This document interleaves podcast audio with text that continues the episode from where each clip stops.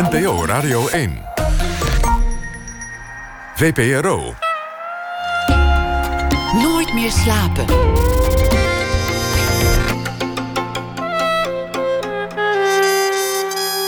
Met Pieter van der Wielen. Goedenacht en welkom bij Nooit meer slapen. Na één uur komt rapper Donny op bezoek, bekend om vele redenen. En één daarvan is dat niemand ooit zo verlekkerd heeft gezongen over de Bami-schijf. Een fotoboek over gemengde gezinnen van de fotograaf Negin Zengadani. En uh, daar gaan we het ook over hebben na ene. Thomas Heerma van Vos zal een verhaal schrijven bij de afgelopen dag. Maar we beginnen komend uur met Jaap van Heusden. Komend weekend vindt in Vlissingen het jaarlijkse Film by the Sea Festival plaats. En zijn film zal openen, de film In Blue. Daarna zal die ook in de bioscoop uh, te zien zijn. Maria Kraakman speelt in die film een KLM-stewardess... die door een bevalling aan boord van de vlucht naar Boekarest... oude trauma's ziet openbarsten. Eenmaal in Roemenië raakt ze daardoor verstrikt in een situatie... die ze anders ongetwijfeld uit de weg was gegaan. Jaap van Heusten is uh, geen onbekende, maakte al vele films en documentaires. Zijn korte documentaire Asylum is uh, genomineerd voor een Gouden Kalf dit jaar in de, in de categorie korte documentaire. En voor haar rol in zijn film De Nieuwe Wereld won Bianca Krijgsman een Emmy, alweer een paar jaar geleden. Jaap van Heusten werd geboren in 1979. Zijn vader was predikant. Hij woonde als jongeman in Burkina Faso. Pas daarna ging hij naar de filmacademie, maakte veel films. Drone, Win-Win, De Verloren Zoon, Offer en Behind the Blue Screen. Dan heb ik er nog een paar overgeslagen ook. Jaap, hartelijk welkom. Hoi. Je, je vader was predikant. Ja, son of a preacher man zit, uh, zit tegenover. Ja. Wat, voor predikant was het? Ja, een soort het? reizende. Dus die ging allerlei eh, kerken langs om gewoon eh, mooie verhalen te vertellen over God. Doet hij nog steeds hoor. Ja. Mooie verhalen vertellen over God. Ja. Dus jij bent opgegroeid in een verhaal eigenlijk. Nou, de- ik, ik weet niet. Ja, nou, laat ik dat maar niet tegenspreken. En Wel goed. Anders in ieder geval in een cultuur die, die, die heel veel verhalen in zich heeft. Absoluut. Ja. Mijn vader is ook echt een goede verhalenverteller. Die kan je op een feestje kan je rustig bij gaan staan, zeg maar. Er komen altijd goede teksten uit. Wat voor verhalen vertelt hij dan? Ja, dat, bijvoorbeeld een van de dingen die ik van mijn vader heb geleerd... is als je iets eh, hebt meegemaakt wat eh, niet is gebeurd, zeg maar... dan moet je dat gewoon vertellen eh, op precies dezelfde manier... als wanneer het wel gebeurd zou zijn. Dus mijn vader zal nooit zeggen van... heb je die mop gehoord of zo? En mijn vader die zegt van... ik, ik stond gisteren in de rij bij de supermarkt... en er stond een man achter me. Nou, en dan- komt er, komt er een verhaal. Uiteindelijk is dat gewoon een of andere flauwe Grap mop die je al ja. een duizend keer gehoord hebt. Maar gewoon door het zo te brengen is dat toch nog even eh, de moeite waard, zeg maar. Ja. Speelt in jouw films ook wel een rol, die, die, die bijbelse verhalen? Niet, niet dat het religieuze films zijn, maar de thema's van, van, de, van de bijbelse verhalen... Die, die, die inspireren je wel, volgens mij. Ja, dat, ik, dat kan, dat zal ongetwijfeld. Ik bedoel, een filmwetenschapper die zou er waarschijnlijk wel raad mee weten. Het is niet iets waar ik ongelooflijk bewust mee bezig ben. Maar ik denk van, eh, ja, als je er een soort van in ondergedompeld bent sinds eh, je nulde, dan kan het niet anders dan dat dat er ook weer uitkomt, zeg maar. Thema's over goed en kwaad, over offers die je moet brengen, over vaders die hun zoon moeten opofferen aan hun ideaal of aan het recht of aan het systeem. Komt, komt eigenlijk allemaal in jouw films terug. Ja, ja absoluut. Wat wilde je worden toen je klein was? Zag je jezelf ook als predikant? Nee, ik eh, dacht altijd dat ik in de politiek terecht zou komen. Dus toen ik elf was of zo, toen, eh, toen begon ik met eh, ja, NRC sowieso, want dat bracht ik rond. Dus dat, dat was mijn krant, dus die las ik dan ook. En toen kwam eh Elsevier erbij en toen Time Magazine. Toen was ik volgens mij twaalf of zo. En toen, toen ik dertien was, toen vond ik wel The Economist. Die kregen we toen ook. Zo, Ja, ik snapte hard. echt de ballen van, hè, maar ik, ik, ik, dat was een beetje mijn dingetje. Dus ik, ik beet me daarin vast en ik dacht van, fuck, ik ga de wereld eh, op die manier... Er moet iets of zo, weet je wel? Ik had ook zo'n soort heilig vuur dat ik dacht van, eh, ik moet ook iets. En ik dacht dat dat de politiek was. Dus ik zat ook in zo'n de Model European Parliament, weet je wel? Dan ga je een soort Europees parlement spelen met elkaar. Zat ik ook in. En eh, ik kon het ook goed, dat eh, lullen. En in de wandelgangen gewoon een beetje handje klap en zo. Maar ehm, ja, ik weet niet. Dat, eh, nee. Dit, er kwam een omslag. En toen... Wat was die omslag? Dat, weet je vast wel. Ja, dat is echt heel... Dat is toch heel raar gegaan. Dat kwam ook onder andere door dat Model European Parliament. Dus ik weet niet hoe die mensen dat ontworpen hebben. Maar ik kwam er daar eigenlijk gewoon achter dat wat politiek bedrijven uiteindelijk is, is dat je uh, door het handig uh, te spelen gewoon zoveel mogelijk van je punten kan uh, aftikken. En dat, dat beviel me er echt totaal niet aan. Want ik, ik, ging, ik deed echt vanuit een soort overtuiging. Dus ik, ja, ik vond dat je echt, hoe zeg je dat? Je moest gewoon de, de waarheid boven halen. En dan zorgen dat de dingen goed kwamen of zo. En toen, toen, doordat het heel goed is, hoe ze dat spelen, zeg maar, kom je er gewoon echt achter hoe dat werkt in de kamer. En ja, dat is gewoon uitruilen. Koelhandel is het. Ja, echt. En toen, nou, toen was ik 15 of zo. Toen, toen voelde ik aan van, oeh. Dit, ja, jij uh, hoopte gewoon dat er dan een soort, een soort waarheid boven tafel zou komen. En als die er eenmaal was, dan zou iedereen het ook wel zien. En dan zou op basis van die waarheid het goede wel in de wereld komen. Ja, grenzeloos naïef, hè? Ja, als je het zo zegt. Nou, ook wel, ook wel, ook, wel, mooi, vind ik. Ja. Dat is ook een vorm van redelijkheid als mensen dan, dan ja, elkaar overtuigen van argumenten en dan zeggen ja we zijn er. Ja. 1 en 1 is 2, dus dan, dan, doen we dit. Ja. Nee, maar dus, het, ja, het blijkt dan allemaal oneindig veel ingewikkelder in elkaar te zitten. En, en ik was altijd al wel verhalen aan het schrijven en foto's aan het maken. En langzamerhand begon ik van die eerste filmpjes in elkaar te prutsen. En ja, ik weet niet. Ik kwam erachter dat je, als je, laat me zeggen, hoe zeg je dat? Je kan soort boven een verhaal staan. En dat is ook heel vaak, uh, hoe zeg je dat? Wat je politie ziet doen. Ze willen iets bereiken. En de woorden die eruit komen, die zijn heel goed uh, gekozen um, om iets teweeg te brengen of zo. En soms werkt het. En, maar er zit heel veel uh, onechtheid bij. En op het moment dat je zelf gewoon in een verhaal gooit, dan, dan, uh, dan heb je niet zo'n voorsprong meer, snap je? Ik sta niet boven de verhalen waar ik uh, deel uh, van ben. Misschien klinkt het echt super vaag. Maar bijvoorbeeld in Blue nu. Het gaat over jongens die wonen in een, in een tunnel. En die moeten daar overleven. En ik, ik wil daar een film over maken. Ten eerste weet ik in het begin niet waarom. Maar ik denk van, oh wauw, hier zit iets. En dan ga ik gewoon met die jongens optrekken. En kijken van, laat me je tunnel zien. En je komt nog eens terug. En langzaam leer je elkaar kennen. En hoe ziet die wereld eruit? En, en uh, ja, snap je, daar is niet zo'n soort moreel of uh, soort uh, overzicht van... oh, waar gaat het naartoe? Of wat wil ik bereiken? of, maar dit is, dit, is eigenlijk wel belangrijk wat je zegt. Want, want, want jij staat dus niet op de kansel de, de waarheid te verkondigen. Zo, zo, zoals je vader. Je bent niet een predikant als filmmaker. Je bent ook niet een politicus die iets wil. Je wil, je wil, je wil niet het leed van Roemenië aan de kijker uh, overleggen.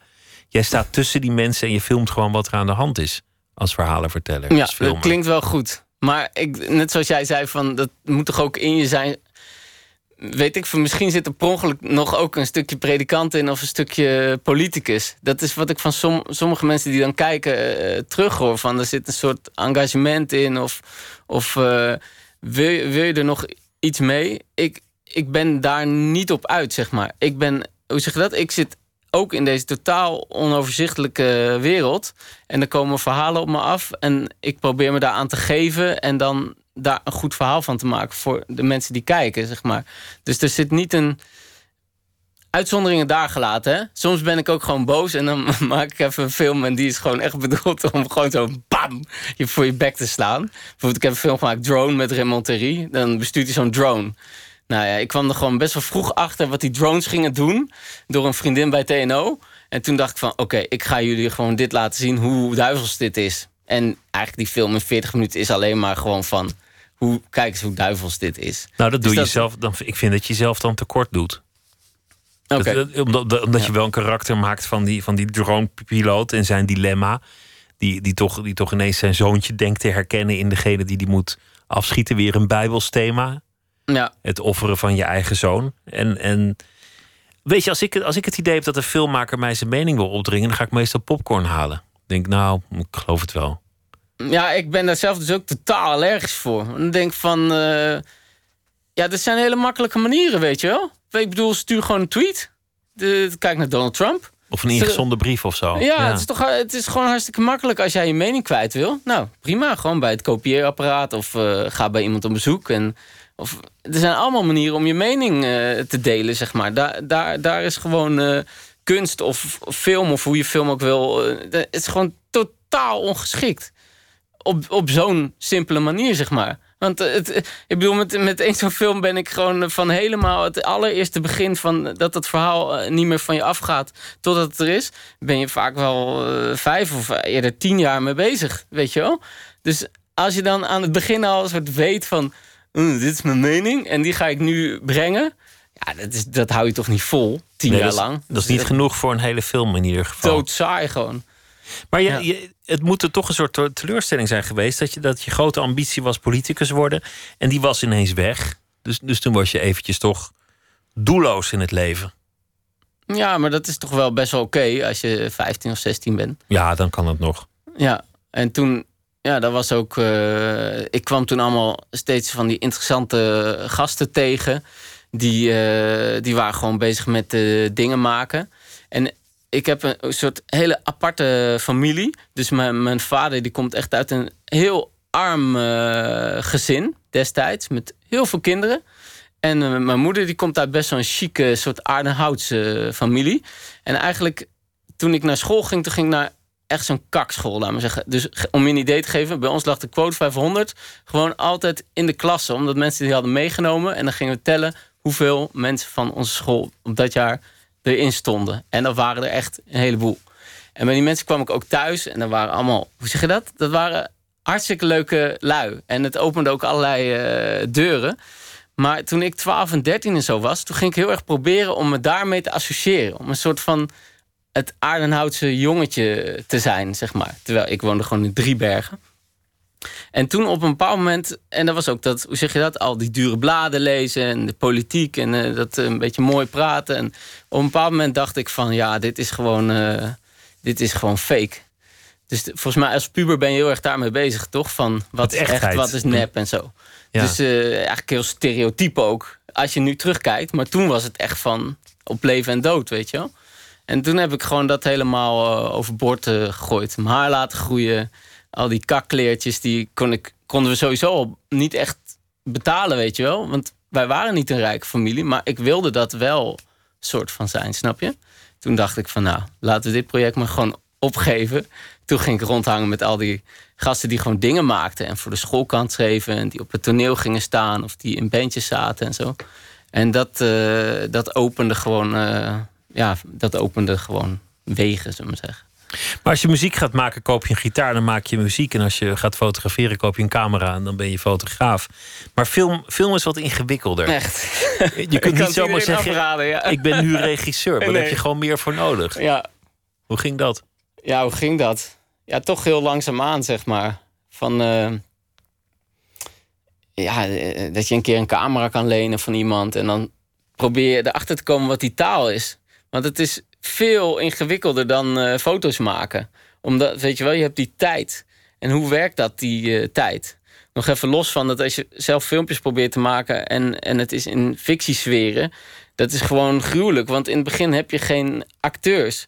Dus gewoon alles wat je doet... heb je mensen voor de camera, bijvoorbeeld jezelf of je vrienden... die dat niet kunnen... Dus per definitie wordt het gewoon echt super slecht, weet je wel. Terwijl als je een foto maakte, dan had je gewoon één moment... en dat kon je soort een beetje vormgeven. En dan eh, kreeg je echt wel dingen. En dan in je doken, ik had dan een dokenkamer en zo. Uiteindelijk had je best wel dingen waarvan je soms dacht... Ah, dit gaat ergens naartoe. Niet, het is fucking briljant, maar het, is, het gaat ergens naartoe, weet je wel. ja. Het is iets. En met die filmpjes is het in het begin alleen maar... Ah, zo slecht, jongen. Dus dat is echt... eh, ja, je, ga, je gaat toch maar dan verder en verder en proberen. En, eh, En en werd je ik- niet moedeloos van? Ja, eh, ja, ik ben ook bijvoorbeeld halverwege de filmacademie ben ik, ik ben na twee jaar ben ik gestopt. Want toen, toen voelde ik gewoon aan van, eh jemig. Want de- in de filmacademie, dat is echt een hele leuke school. Maar een van de dingen die heel mo- moeizaam eraan zijn... is van, in de eerdere jaren moet je er ook voor zorgen... dat de andere studenten hun vak kunnen leren. Dus dat betekent dan dat je, je krijgt sce- sce- scenario's... van, dan de eerste of de van, de, van de tweedejaars studenten. Die moet jij dan gaan verfilmen. Dat, zij zijn ook nog maar net bezig. Dus dat is niet supergoed. Plus, dat zijn helemaal niet de verhalen die... Ik bedoel, snap je? Weet je hoe lang ik nu bezig ben om een verhaal tegen te komen... waar ik echt door gegrepen word? En dan krijg je gewoon echt zo van... Oké, Jaap, dit is het scenario waar jij En, dit mag je gaan doen dan is Ja. al niet heel goed. Nee, Ja. en het is, of, het is in ieder geval niet waar ik dat gevecht mee aan wil gaan. Gewoon, het is gewoon een verhaal, I don't give a shit. Dus dat ga ik niet doen. Maar dat mocht dan niet. Dan moest je dat... Ik werd helemaal... Daar werd ik, ik werd zo gefrustreerd.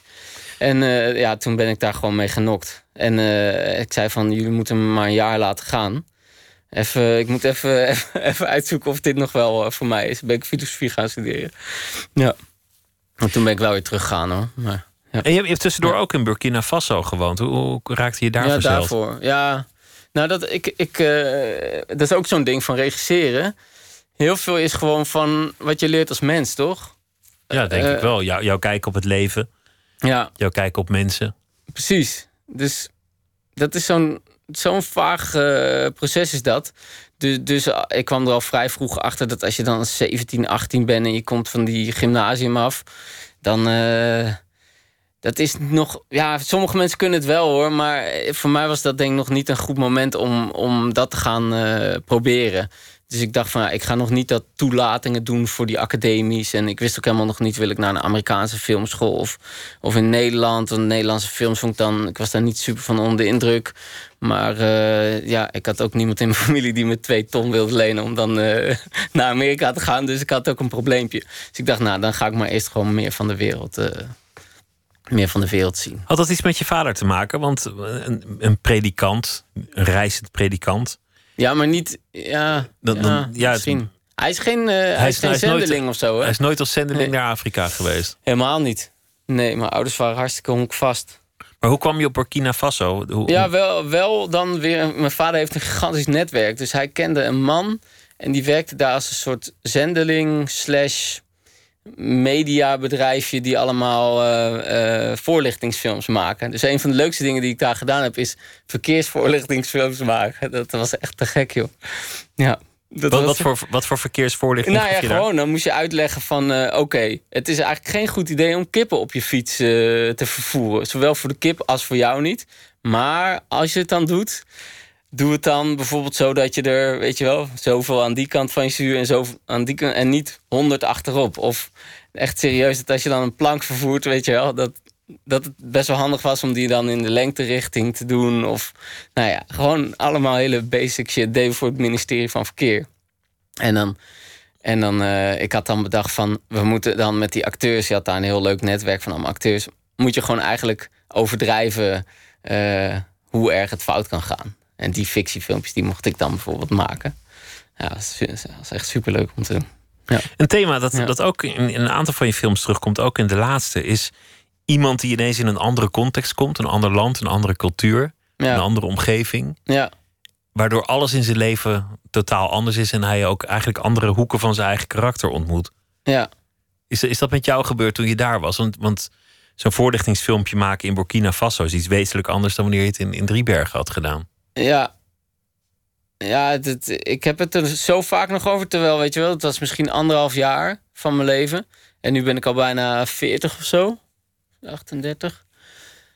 Dus dat kan toch bijna niet anders dan dat het een vette impact eh, gehad heeft of zo. Ook, ook daardoor lees ik mijn krant echt wel anders, laat maar zeggen. Gewoon het feit dat ik eh, RFI of zo eh, volg en dat hele Franstalige en ook gewoon eh, naar, naar de hele vluchtelingencrisis en zo. Ja, ik heb die gasten daar gewoon gezien. En wat ze hebben. Ik bedoel, wat ze in hun kop hebben en in hun eh, hart. En dan wat ze aan middelen hebben. En het is gewoon totaal uit zink, weet je wel? Dus, en ik zat er ook gewoon tussen met weinig tot geen geld. Maar ik kon gewoon... eh, er was gewoon leeway of zo, weet je wel? Als ik, als ik ergens wilde gaan, dan kon ik daar toch heen gaan. Als zij wilde, niet. Dus eh, ik vind het echt doodnormaal, laat ik zeggen. Dat, ik zou ook op een boot springen. Natuurlijk zou normaal zou je gewoon met het vliegtuig gaan, maar dat is gewoon heel erg moeilijk gemaakt. Dus ja, als je niet met het vliegtuig kan, verzin je een andere manier, weet je wel. Als, als, het gewoon, als er een brug lag, ja, dan kwam iedereen natuurlijk gewoon met de auto. Alleen nu is het dus gewoon zo heel... Omdat, omdat het zo onhandig gemaakt is door ons... is het zo eh, enorm dramatisch, zeg maar. Maar gewoon wat er aan de hand is, is echt doodnormaal, weet je wel. Wij, wij gaan ook de hele tijd naar de plekken waar, waar we gewoon ons ding kunnen doen, toch? Dus gewoon wat een, Ja. een jong, ambitieus iemand zou doen. Iedereen in die positie is wat je eigenlijk zegt. Het zijn zijn de jonge mannen die vliegen, dat doen ze nou eenmaal. Alleen eh, het, het Ja. wordt moeilijk gemaakt. Dat, was het, dat was het thema van de, van de film eh, De Nieuwe Wereld. Ja, Waar, eh, waar Bianca Krijgsman een, een, prachtige Emmy voor kreeg, die, die ze ook wel echt verdiend had. ja. Zij is, dan, zij is dan schoonmaakster op een, in een detentiecentrum op Schiphol. En, en eigenlijk, eigenlijk niet heel empathisch naar die, naar die vluchtelingen. Aanvankelijk zeker helemaal niet. Nee, Ze haat gewoon iedereen, hè? Ze maar niet gewoon- alleen vluchtelingen, ook de marechaussee. Ja, ook ze- alle mensen zonder kleurtjes. Zij heeft gewoon eigenlijk een hekel aan iedereen. Ze sluiten weddenschappen af van eh, die gaat het halen, die niet. Die lult, die spreekt de waarheid. Ja, Ti- Tientje op die. Die komt er wel door. ja best wel cynisch. Maar kwam dat, kwam dat daar vandaan? Van, die- van, van, dat jij die jongens had gezien en dat je dacht van ja, Ja, eigenlijk zie ik dat heel anders, maar, maar hier Ja. zou ik wel eens wat mee willen ja, doen. ja, dat was echt precies dat. Ik wilde gewoon eigenlijk een film maken van... Dat je gewoon... Hoe zeg je dat? Wij hadden toch de VOC... Zitten we nog steeds trots over te doen. Terwijl, eh, nou, ik denk als je, als je da- daar drie geschiedenislessen over hebt gehad... dan past er wel een iets, iets bedeestere houding, eh, weet je wel. Maar de, de, de, die drive die erachter zit... die zouden wij echt heel goed moeten kunnen doorvoelen, weet je wel. Van, hé, hey, er is de wereld en er zijn allemaal mogelijkheden... en eh, we gaan daar gewoon lekker eh, heen varen. En eh, dat waren wel coole gasten die dat deden, weet je wel. Kijk, of dat project helemaal moreel geslaagd was... kun je vraagtekens bij zetten. Maar gewoon, laat me zeggen dat de mensen die dat gingen doen... dat, dat waren niet sukkels of watjes, weet je wel. Dat, die waren echt... Dat, die, die durfden en die gingen, zeg Het, maar. het was ook riskant. Ik bedoel, Ja, die, die haalden ook niet allemaal de Nee, overkant. ik ben wel in eh, India in die kerken eh, geweest. Van die Nederlandse eh, settlements. Nou, liggen ze daar allemaal met hun headstone. Van, van, drie, hij was 23 jaar oud. En met die vrouw. En die, die was, weet ik veel, nog net in begin 20. En die kinderen. En gewoon allemaal dood aan een of andere ziekte. Waar je nu, weet je wel, een drankje zou nemen en klaar. En, en ja, ik weet niet. Ik zag het gewoon als. eh daarom heet die film ook gewoon letterlijk de nieuwe wereld. Van ja, hallo. Maar hoe gaat het dan Wij verder? zijn hun nieuwe wereld. Want, want je hebt dan een soort vertrekpunt, een soort verontwaardiging ook, een soort kijken op de wereld. Ja. En Dat, dat gegeven van zo'n zo'n Afrikaan, die, Ja. die, die jij kent, nou, die, die Ja. Speelt ook een grote rol in de film. Maar dan, Isaka Savadogo, ja. Maar die dan- dan komt dus ook uit Burkina. Dus dat hetzelfde netwerk, dat gaat dus weer terug naar... maar, maar dan komt ja. die schoonmaakster erin. En dat, dat is eigenlijk wat die hele film gewicht geeft. In Ja. contrast, het, het simpele verhaal van iemand die daar de vloer dwelt en denkt... Jongens, even beentjes omhoog, hop, hop, hop, kom op, niet in de weg lopen. Ja, Maakt mij wat uit dat je vluchteling bent, maar je benen staan in de weg. Ik moet gewoon dweilen. ja. Hoe, hoe komt dat, dat, dat, Dat, komt- dat komt echt door eh, Rogier de Blok. Die eh, scenarist die ik in eh, tweede instantie eh, aan boord heb weten te halen. Omdat bij die film zat dus mijn... Ik was gewoon toch te bevooroordeeld of zo. Ik zat helemaal met die focus van de Afrikaan die naar de nieuwe wereld komt. En dat, hoe je het ook probeerde of zo... dat werd toch ergens een soort... moralistisch verhaaltje, zeg maar. En Rogier, die, ja, die had daar gewoon niks mee. En die zei van, eh, ja, die Afrikanen... Dat, ik weet gewoon niet hoe dat is. Dus dat verhaal, dat kunnen we ook uiteindelijk niet eh, vertellen. We moeten het gewoon vertellen vanuit eh, onze point of view.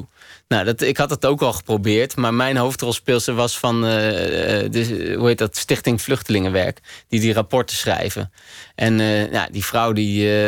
maar het was gewoon saai, weet je wel. Ze stond al aan de goede kant. En, eh, en dan ging ze zich heel erg ontfermen over een vluchteling... waarvoor ze eigenlijk sowieso al vrijwilliger was. Dus what's the point? En Rogier die kwam met, met echt zo'n vrouw... waarvan je bij die eerste lezing van het script dan dacht van...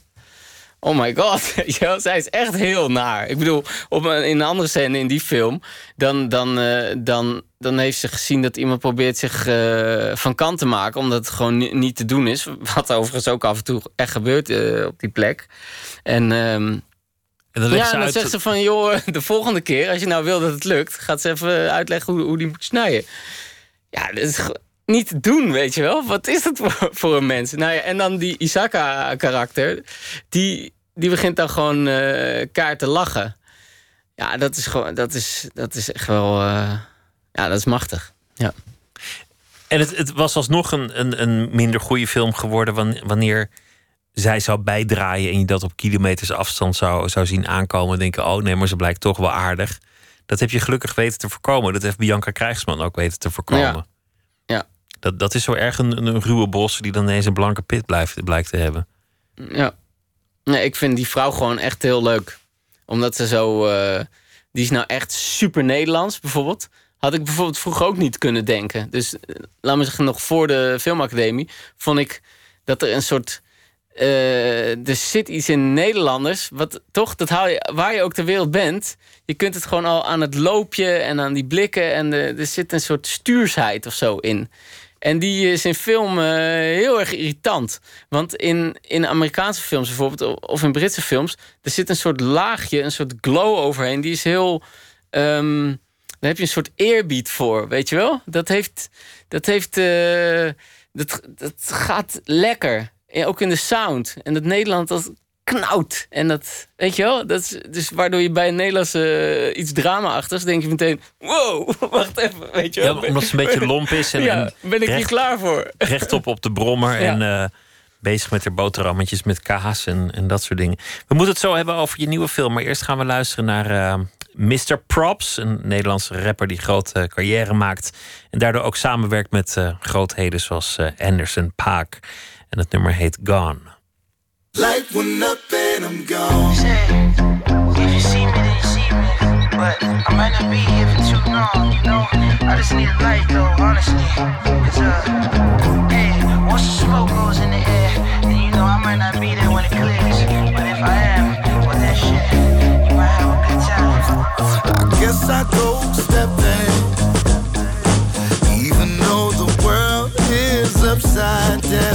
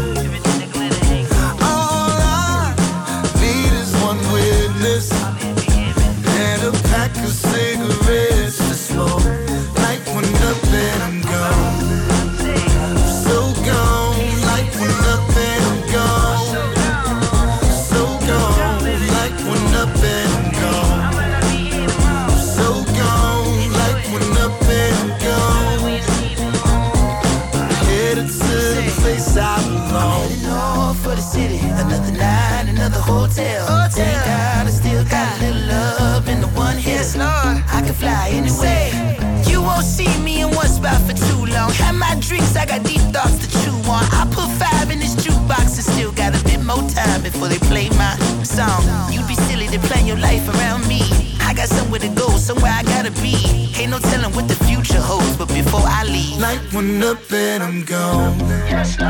So gone, light one up and I'm gone. So gone, light one up and I'm gone.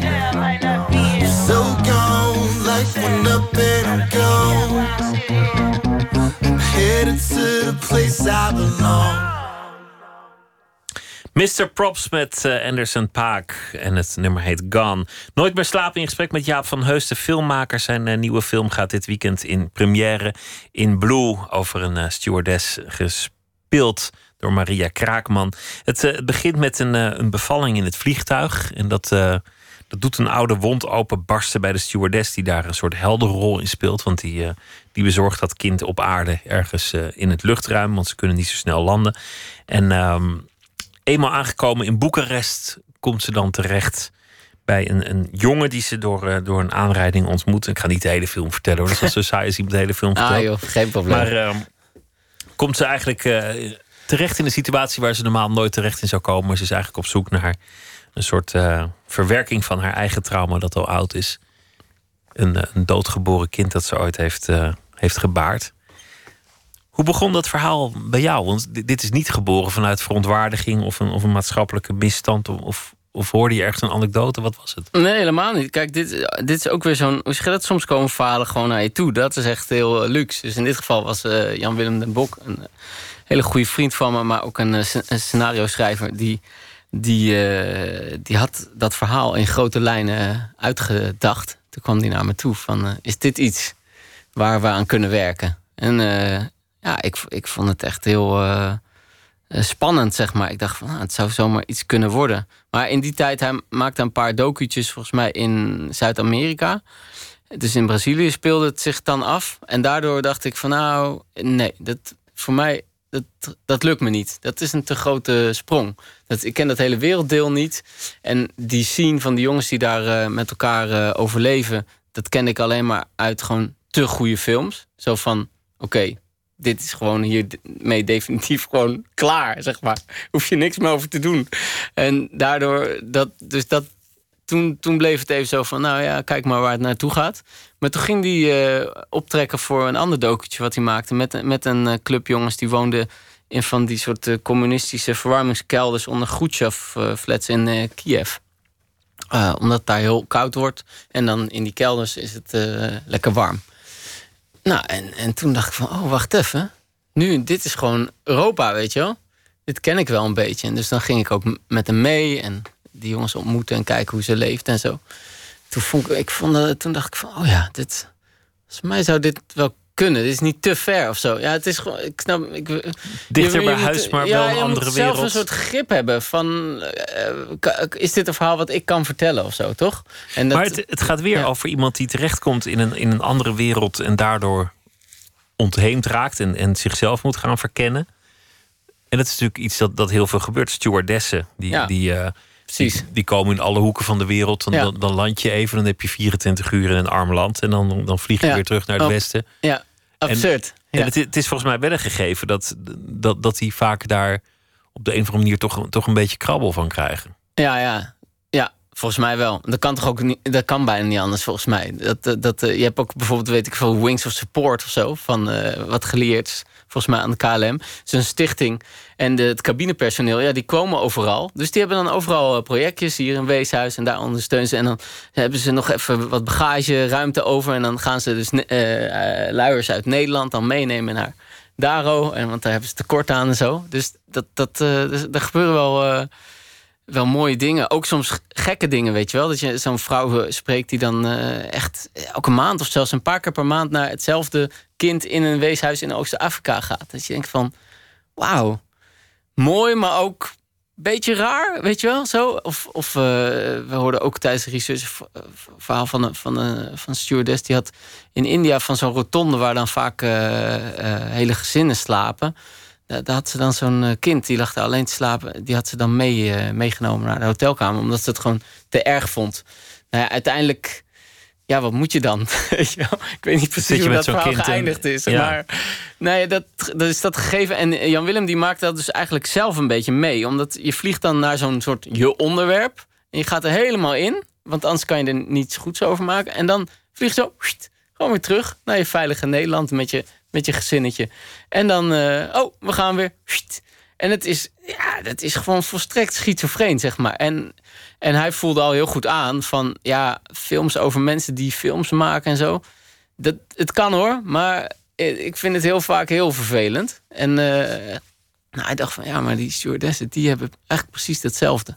Die vliegen ergens Ja. naartoe en die vliegen er weer vandaan. Ja, Maar dan, dan ben je ook gaan optrekken met die tunnelmensen daar. ja, ja, Om, om het zo realistisch mogelijk te filmen. Je hebt ook met een lokale crew gewerkt. ja. Hoe is het om daar dan te draaien? Nou, dat was dus in Boekarest, hè? In Want in Boekarest, Kiev ja. brak dus de burgeroorlog uit. Dus Ja. niemand die ons nog wilde Ik sloeg één stap over, maar het werd Nee, Boekarest. Ja, ja. ja, het is niet alleen om het realistisch te krijgen. Het is gewoon van... eh, je weet nog niet wat het verhaal eh, precies is. En bijvoorbeeld wat in Boekarest aan de hand eh, was... was eerst eh Snover die, eh, of ademde eh, die jongens en meisjes, zeg maar... een soort zilververf. De dampen daarvan. En dat is, dat is niet goed voor je, maar het bedwelmt je en het leven wordt er iets minder, minder scherp van, zeg maar. En dat kan je echt heel lang wel doen, laat maar zeggen. En nu zijn ze aan het overstappen, de afgelopen, weet ik veel, vijf jaar of zo, op een druk die heet de krokodil. Misschien heb je wel eens gezien bij Vice of zo. Of, of eh, daar noemen ze het etnobotaniek. Met een soort zelfgebrouwen, eh, volgens mij uit aspirintjes of zo. Druk, waar je, dan kan je wel elke twee uur scoren als je wil. Dus die hulpverleners worden helemaal gek. Die zeggen, oh, heroïne, dat was een goede tijd. Het kon nog eh, spuiten vervangen. Maar dat heeft nu geen zin. Dus in die tunnel waar ik kwam, dan zag je ook die jongens die... die als ze klaar... die ene die is klaar en die zakt zo weg. En die andere pakt zo... die spuit en die gebruikt hem zo voor zichzelf. En je hoorde ook op de, de- ik had deze schoenen aan. En eh, ja, de- je hoort gewoon het knerpen onder je voeten. Dus er lag gewoon een, een, een laag van, eh, weet ik veel, misschien vijf centimeter dik van allemaal gebruikte. Dat je ook denkt van, ik ben ook gek ook dat ik daar naar binnen ben gegaan. Want ze, ze hebben allemaal HIV-besmetting. en eh, Met het je is dure camera's ook. Ja, maar dat is, dit is allemaal research, hè? Dus later kom je van, oké, Maria moet ook in zo'n tunnel. Kunnen we zo'n echte tunnel ont, ontruimen en eh, safe maken? Want eh, we willen niet met onze crew eh, gevaar lopen, weet je. Met een docu kan je soms naar elkaar kijken en denken van... is dit nog oké voor iedereen? Oké, we doen het. Maar met fictie is de schaal zo groot. Ik bedoel, daar in Boekarest waren we met 100 man of zo op een dag. Dat, dat kan je niet soort van... hmm, nee, dus dan moet het gewoon safe. En uiteindelijk hebben we ervoor gekozen om een stuk eh, tunnel eh, na te bouwen in een, in een eh, kelder. Omdat het gewoon... de, de dingen die we echt konden vinden, die, die waren gewoon ja, te link. Te gevaarlijk en, Ja. en, en ja, te onvoorspelbaar ook Ja. natuurlijk. Ja. Maar dan wel weer heel veel van die jongens via mijn fixer, Flow is dat. Dus die heeft zelf jarenlang in die tunnel gewoond. En is daar uit weten te komen. En zij heeft me heel erg geholpen om dan de verschillende clubjes te vinden van de harde gebruikers en de ietsje softere. En die zitten dan weer in verschillende tunnels in de stad. En, en zij eh, heeft ook voor, voor eh, de film dan een heleboel eh, jongens gewoon zo gek gekregen om voor een bedrag per dag te komen figureren voor, voor de scènes waar dat relevant was. En dat gaf wel echt een hele maffe dynamiek aan die hele, aan die hele shoot, zeg maar. Dat de jongens ertussen liepen die, Ja, over wie het eigenlijk ging. Ja, ja. ja, die vonden dat zelf dus echt hilarisch. En eh, weet je wel, dan heb je iemand die alleen maar eh Aurolac, dus die verf gebruikt. En die krijgt dan van onze make-up dame een soort protheses om... Want van die krokodil gaat echt je huid, die begint de- eraf te... Hoe zeg je dat? Vreet zich helemaal weg. Een soort... Als het, eh, is echt te goor voor woorden. En eh, je gaat ook binnen één of twee jaar dood. Dus die druk is echt gewoon het is verschrikkelijk. Maar dan werden zij dus opgetuigd als soort van de erge. Want die, ja, die kan je helemaal niet meer op een set krijgen. Want die, daar kan je niet een tijd meer afspreken. En dat ze dan ook komen, weet je wel. In het begin ging ik dat soort gastjes interviewen. En dan, dan zei ik van... eh, ja, maar wat zou... Stel, ik, je krijgt eh, een lot uit de loterij. Wat, wat zou je dan met je leven gaan doen of zo? Dat soort fucking naïeve vragen of zo. Die hebben geen idee buiten over zes uur of zo. Dat is hun scope nog. Dus die zijn gewoon weg.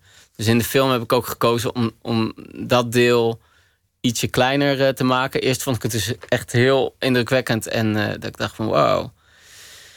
Maar toen, toen dacht ik ook van ja, ik moet wel een jongen hebben die, waar, waar Lin, Maria zeg maar, voor kan vallen of zo. Er is iets in die jongen wat charismatisch is. En een beetje, hij kan een beetje hosselen en hij heeft mooie praatjes en hij heeft iets charmants. En, en toen ik die krokodil had gezien, dacht ik van hij kan, geen, hij kan dat niet gebruiken. Want dan is hij gewoon binnen no time niks meer, zeg maar. Dus toen werd hij toch weer een snuiver, zeg maar. Toen werd het gewoon eh alledaags snuiven. Ja.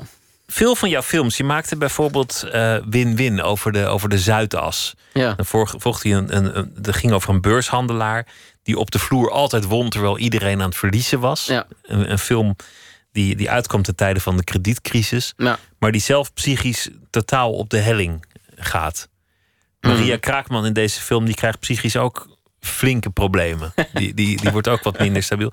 Eigenlijk in al jouw films krijgt iemand psychisch het met zichzelf aan de haak. Ja, dit is, De meeste films. Ik, vind psychi- ik, ik hou er nooit van om, eh, om eh, karakters te, te diagnosticeren. Net zo goed dat ik wil ook niet gediagnosticeerd worden, weet je Maar, wel. maar je hebt wel iets met psychiatrie. Ja, volgens mij probeer je er gewoon achter te komen, toch? Wie, wat het leven is en wie je bent door de, door de randen te verkennen of zo. En eh, als je eraf valt, dan weet je hoe ver het kan stretchen of zo. Voor mij zijn ook, hoe zeg je dat? Wat, wat dan de gekken zijn of zo. Dat zijn eigenlijk ook eh, helden. Want het zijn een soort eh, pioniers. Die gaan, die gaan eh, where no one has gone before, zeg maar. Snap je? En dat is heel ongezond. En dat is ook niet leuk om te doen. En, en, en, en natuurlijk, hoe zeg je dat? Die mensen moet je, moet je, moet je echt helpen met pillen en met goede zorg en al die shit. Maar tegelijkertijd. Eh, dus hoe zeg je dat? Ik zeg niet van dat je dat moet opzoeken. Maar als je nou eenmaal zo bent, ook mijn beste vrienden zitten, er ook tussen. Dan daar zit iets heel bijzonders in, zeg maar. Voor, voor wij die, die, dat, eh, die daar niet mee eh, belast zijn. Omdat je voelt dat zij gewoon veel dichter bij allemaal dingen staan. Die zij kunnen voelen of die ze hebben meegemaakt. En ja, dus ik, ik denk hetzelfde ook. Er komt echt te veel dood in mijn eh, films eh, voor. Weet je wel? Waarom is dat? Sowieso in films. Waarom? Waar, ik, ik weet het niet. Want ik leef. En dat is wat mij eh, fascineert. Ik heb niet een soort morbide fascinatie met de dood. Maar volgens mij juist om, om dan te proberen erachter te komen... wat in vredesnaam leven is... ga je dan toch tegen de randen aan zitten of zo. Toch? Dus, dus Ja. eigenlijk door, door psychiatrie te gebruiken in je films... probeer je te verkennen wat, wat normaal is... of, of wat mens zijn is, of, of wat... eh, Ja, maar in dit Wat geval, in, leven is. wat mij betreft, zit in, eh, in Blue zit, eh, geen psychiatrie. nee, nou ja, een trauma. Ja, Psychologie. whatever. Zo praten we er echt niet over, Maria en ik. Weet je wel? Het is gewoon, ja, kom op. Dan, dan kan dus echt half Nederland gewoon een instelling, snap je? Als je het zo definieert. Iedereen heeft toch, die is door het leven eh, gehavend. Kan niet anders. Door de relaties die je aangaat, door de, door de, door de foute keuzes Nee, die misschien, je maakt. oké, misschien is het, dit is toch geen psychiatrie dan, wat, wat zij meemaakt. Hoewel wel een soort trauma is. Maar jouw, jouw documentaire die, die eh, nu voor de Gouden Kalver in aanmerking komt... Ja, onze documentaire, hè, dat heb ik met Jefta Farwijk gemaakt. Dus Ja. ik heb dat niet zelf gemaakt. Dat is echt eh, Maar samen dat, met een dat, goede gaat, vriend. Ja. dat, Ja. dat, dat was heel, heel beklemmend. Het gaat over een jongen die, die in zijn hoofd, net als de balans iets anders is, dan trekt hij of naar het leven of heel radicaal naar de dood. Die Hmm. twee die vechten om voorrang. Ja, Het ene moment dan- dan, dan, is hij euforisch, want dan gaat het goed met hem. ja. En het andere moment dan, dan heeft hij of hele agressieve fantasieën waar hij over vertelt. Of hij, hij, hij worstelt met zelfmoordgedachten. Mhm. En, en dat, dat lijkt in het hoofd maar een heel klein verschil in balans te zijn. ja. Ja, het is echt duivels. Het is echt, eh, of hoe zeg je dat? Het is echt heel naar. Dus eh, ja, die film ook weer. eh, ja, die is toch wel een beetje geboren. Dat is wel weer grappig hoe het gaat, zeg maar. Dat, volgens mij word ik wel langzamerhand een, een betere filmmaker of zo. In die zin dat ik mezelf leer kennen. Dus Jefta en ik, wij waren gewoon heel erg boos over de bezuinigingen in de psychiatrie. En dat er al, er wordt, zeg je dat? Er gebeuren twee dingen die zijn gewoon.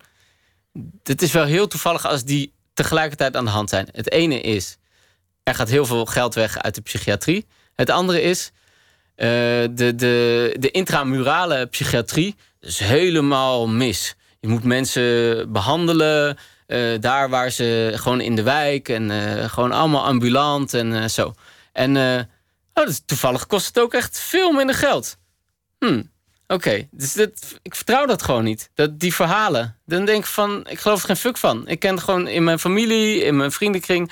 te veel mensen, eh, als ze niet eh, opgenomen waren geweest... dan waren ze er überhaupt niet, laat maar zeggen. En dan waren, of ze waren veel slechter af. Eh, dus wij wilden gewoon een film maken... binnen de muren van een psychiatrische inrichting. En omdat we gewoon geloven dat voor heel veel mensen is het echt een noodzaak, weet je wel, dat ze daar zitten. Maar dat is dus eigenlijk een heel soort prekerig uitgangspunt. En eh, dat zou dus ook dan een hele vervelende moralistische film moeten opleveren. Maar dus inmiddels weet ik dus dat dat kantje aan mij zit. En ik weet ook dat het hele Dat je dat moet vermijden. ja, het levert gewoon rukfilms op. Dan heb je gewoon, ik bedoel, of ik kan die in ieder geval niet maken. Nou, en nu had ik Jefta. En Jefta die is, die zit altijd helemaal, die zit niet in zijn kop, maar die zit gewoon in zijn buik. En die heeft ook de camera gedaan. Dus die zat gewoon helemaal eh, te flowen, soort van, met die duisternis en die licht van die jongen, zeg maar. En dat, dus die film is veel abstracter eigenlijk geworden dan, dan, dan, eh, ja, dan had gekund. Dus en daarmee blijft het dus helemaal weg. Uit ah, dat hele verhaal wat ik net vertelde, de kijker gaat dat nooit meekrijgen. Nee, maar wat je wel ziet over. is van... Hmm, volgens mij is het niet echt een heel slecht idee... dat deze jongen gewoon opgenomen kon worden. Dat, dat krijg je in ieder geval wel mee, denk ik. Ja, ik vond het ook wel Ja. een goed idee dat hij, dat hij, dat hij daar zat. Ook, ook toen hij vertelde over zijn, over zijn fantasieën om eh, mensen te vermoorden en, en, en dat soort dingen. Maar jij ja, bent eigenlijk. maar dat is, eh, de, ik raak daar echt totaal niet van onder de indruk hoor. Dat, eh, ik bedoel, als je met psychiaters praat, gewoon iedereen heeft dwanggedachten. Alleen bij sommige mensen klinken ze eh, wat harder, zeg maar.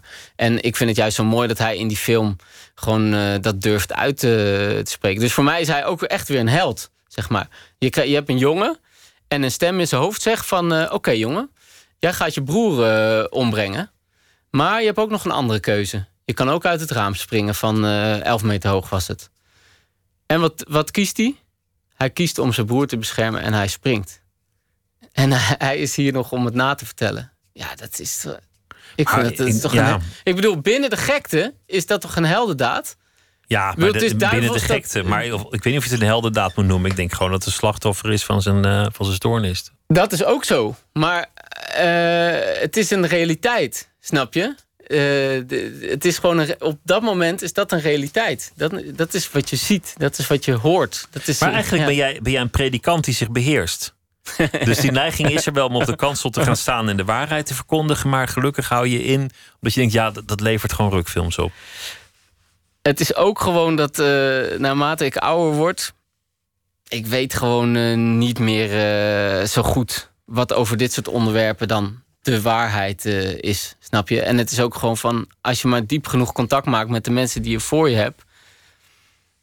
Maar Ja, wat weet ik nou eh, bijvoorbeeld van eh, verlies precies af? Of, of die dingen die Maria speelt in, in Blue. Ja, het belang, de belangrijkste keuze voor die film was gewoon dat, dat we dat samen gingen doen. Maria en ik, zeg maar. En dat kwam echt door andere mensen. Want ik, ik, zag, ik zag haar die rol aanvankelijk niet doen. Ik dacht dat zij serieus was. En, en dat eh, soort bla bla bla bla, wat heel veel stewardessen supergoed kunnen. Dat, dat, zij dat niet zou hebben. Dat gewoon eh, eh, niks aan de hand. En die sociale skills om een, een of andere vervelende Russische man terug in zijn stoel te krijgen midden in de lucht. Gewoon met die vrouwelijke handigheidjes, weet je wel. Wat je gewoon bij die vrouwen allemaal zag. En ik dacht van, oh, dat Maria Kraakman, dat is gewoon een powerhouse. Dat is gewoon eh, die brand van emoties die allemaal weggestopt zijn. En die, die is supergoed, maar die is niet eh, licht genoeg, dacht ik. Maar, maar eh, zelfs, zelfs een van de actrices die, die ik dan dacht van, die kan het doen... die zei tegen mij van... joh, heel eerlijk gezegd, ik vind het leuk dat je me uitnodigt... Maar ik ben dit niet. Dit is Maria Kraakman. Dat weet je toch wel? En ook het is- mijn het- het- casting director had het gezegd. En nou, uiteindelijk kwamen we dus wel bij elkaar. En maar maar zij ik- zei in een interview dat, dat zij, want wat zij heeft zelf een, een hele geschiedenis met het, met het niet krijgen van een kind.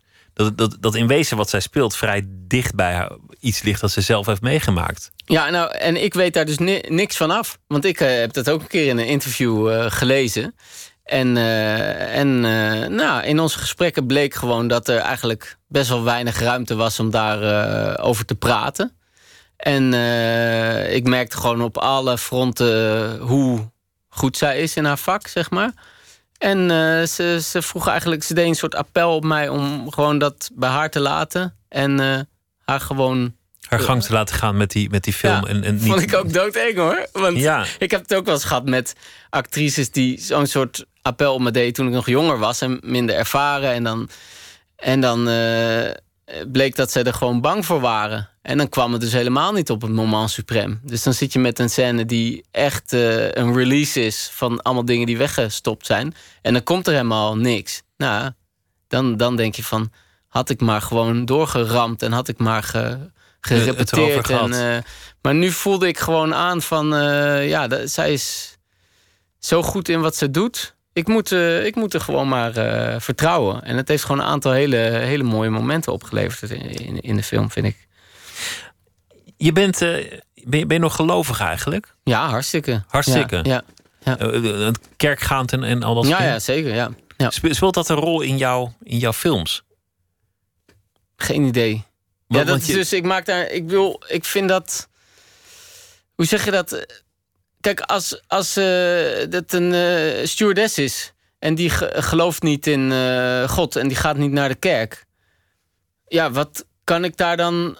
Ik ga niet daar naar de kerk laten gaan omdat ik dat belangrijk vind of zo, toch? Voor die film is het belangrijk dat zij zo is zoals ze is. Maar ik heb hier en daar wel een bijbels thema eh, ehm, erin kunnen Oh ja, ontdekken. mooi. Maar Wat is jouw achtergrond dat jij dat er allemaal uit had? nou, Ja. eh, zie- Ja. nou, 160 generaties atheïsme. Maar. Ja. maar goed, de Bijbel die, die, ken ik, die Ja. ken ik dan nog wel uit stripboeken en zo. Ja. Maar eh, ja. dat herkende ik wel, maar, maar, Ja. maar nergens eigenlijk van, vanuit een soort, soort leer of, of Nee. visie of, of dat soort dingen. Nee. Totaal niet. Nee. Maar omdat ik zelf daar zo allergisch voor ben, dat als ik dat voel, dat ik kan dat gewoon niet meer. Dus dat is een van de dingen die ik echt heb moeten loslaten. Omdat vanuit het geloof zit het er heel diep in dat je dat aan andere mensen ook moet meegeven, weet je wel, zodat zij ook eh, gered kunnen worden. En, ehm, voor, voor speelfilm, dat is gewoon. Ik, dat is gewoon niet te doen, snap je? Want dan zit je gewoon de boel te belazeren. Dan, ik bedoel, ben ik nou een, die film aan het vertellen? Of zit ik nou via, net zoals wat ik zei over politici. Je hoort ze de woorden kiezen om jou op te lijnen in een bepaalde richting. In plaats van dat ze, het- zijn ze niet allemaal, hè, maar grotendeels word je gewoon belazerd waar je, waar je bij staat. En hetzelfde met reclame en met al, al die, al die eh, boel. Mensen worden daardoor uit elkaar getrokken. Je maakt elkaar daar echt mee, mee eh, stuk. Dus als ik dan datzelfde zou gaan doen, ja, dat zou echt heel. eh, ik denk dat het wel zondig te noemen is eigenlijk. Ja. Maar ik kan het gewoon in ieder geval niet. Het wordt gewoon slecht. Het wordt gewoon. Het wordt troep. Snap Wordt, je? wordt het wel eens van, eh, aan je gevraagd vanuit, vanuit, je, vanuit je kerk of, of, of andere omgeving? Nee. Ze- Helemaal niet. Nee, maar misschien ben ik ook. straal ik echt wel duidelijk genoeg uit dat ik daar echt helemaal niks mee heb. En kijk, als er, kijk, stel nou dat er een, een, eh, een mooi verhaal is, weet je wel. Dus nu ben ik bijvoorbeeld met, Rogier de Blok weer bezig met een, eh, met een verhaal. En het gaat over eh, een. hoe zeg je dat? Iemand die uit het Vaticaan wordt gestuurd. Want er is een soort mirakel ergens in een dorpje in Limburg. Dat zo'n beeld, daar komen tranen uit. Nou, het Vaticaan zit daar helemaal niet op te wachten, dat soort dingen. Want dan krijg je van een soort bijgeloof en ook dat de macht die wordt dan lokaal in één keer. Hoe zeg je dat? Dat wonder geeft een soort van macht. Terwijl dat kan je beter gewoon eh, netjes blijven controleren. En er komt dus dan een man, vaak met natuurkundige inslag, maar ook wel een beetje pastoraal. En die komt gewoon de, de boel onderzoeken om te kijken van houdt dat stand.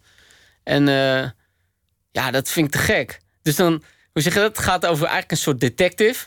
Maar hij is een soort detective van het geloof. Maar hoe zeg je dat? Die mensen denken dat hij is juist van het geloof. Dus hij komt om ons wonder te omarmen. En dat dorp daar is het iets heel ergs gebeurd eh, recent. Dus zij, zij er omarmen dat wonder juist als een soort van...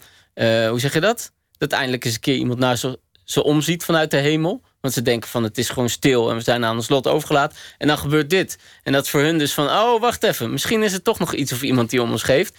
En dan uit de kerk komt er iemand die dat uit hun handen gaat eh, slaan. Nou, en is hij dan, is hij dan laat me zeggen, eh, straight genoeg om daarin in door te gaan?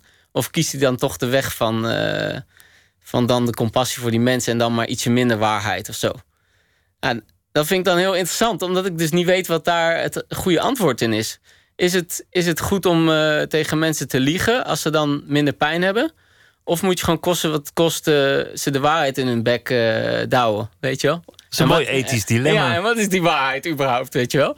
Als, er- als, als blijkt dat, dat eh, die, eh, onder de scanner of in het laboratorium... dat die tranen niet eh, zout maar zoet zijn. Is het dan daarmee eh, eh, niet meer wonderlijk dat het beeld weende of zo? Of eh, weet ik veel. Ja, dus dat is, dat is gewoon zo'n verhaal. Dat komt dan naar je toe. En dan denk ik van, wauw, dit, gewoon, dit zou een hele goede film kunnen zijn. En er zitten zoveel randjes aan die ik, ik kan niet het doorgronden. Dus dan wil ik ermee aan de slag gaan. Ook als het over het geloof gaat. Alleen dan vind ik het, laat me zeggen, eh, extra eng. Omdat ik dan denk van, oeh, maar straks eh, ga ik misschien dan toch het weer de ambassadeur van mijn geloof eh, worden op een moment dat wij echt Of- in het nauw of- worden gebracht, snap je? Of, of misschien Ja. loop je vast in je eigen twijfel. Dat, Ja. dat, dat kan natuurlijk ook Dat nog. zou kunnen. Ja. Want, want dat vind ik, zoals ik het zou zien, dat vind ik eigenlijk wel het mooie aan, aan het verhaal wat je nu vertelt. Mensen die, die halen troost of die putten hoop uit, uit een verhaal dat niet waar is. Ja. Maar dan, dan, komen, dan komt de kerk en die, die wil dat er niet bij hebben. Terwijl dat is natuurlijk eigenlijk ook de essentie van een geloof. Is dat je ergens uit een verhaal waarvan je helemaal niet weet of het wel waar is, hoop of troost put. Ja, maar dat is dus die nuance die je in tweede instantie zegt, is voor mij wel belangrijk. Als je gewoon pertinent weet dat het bullshit is en je gaat er dan in geloven, dan, dan vind ik je, laat maar zeggen, gek op een, op een niet eh, soort heilige manier. Dus die gekken die, die ergens, eh, hoe zeg je dat? Die ergens achteraan lopen wat zou kunnen, wat je helemaal geen voordeel oplevert, maar, maar het is gewoon eh, mooier en het, en het zou kunnen. Ja, dat, dat, eh, daar, daar, ga, dat, is, dat is, daar ga ik wel voor, zeg maar. Ja. Maar als het, als het gewoon per definitie niet kan... en dan ga je ervoor... Ja, dan wordt het wel heel gek. Ja, nee, Ja. daar, kan ik, daar kan ik niet over meepraten. Ik weet niet of we daaruit komen. Nee. De film is eh, vanaf dit weekend te zien in, in, in Zeeland. En vanaf volgende week is die te zien in het hele land. Maar eerst eh, Film by the Sea. Jaap van Heusden, dankjewel. En eh, veel succes met de film. Ik doe hem ook nog even de titel eh, In Blue. Dankjewel, was leuk om met je te praten. Dankjewel. We gaan zo meteen verder met Nooit meer slapen. Rapper Donny komt op bezoek. En Thomas Heerma van Vos heeft een verhaal geschreven bij de voorbije dag. En we hebben nog veel meer dingen. Twitter, het VPRO NMS. En we zitten ook op Facebook. En de podcast via iTunes of de website van de VPRO. VPRO.nl slash Nooit meer slapen.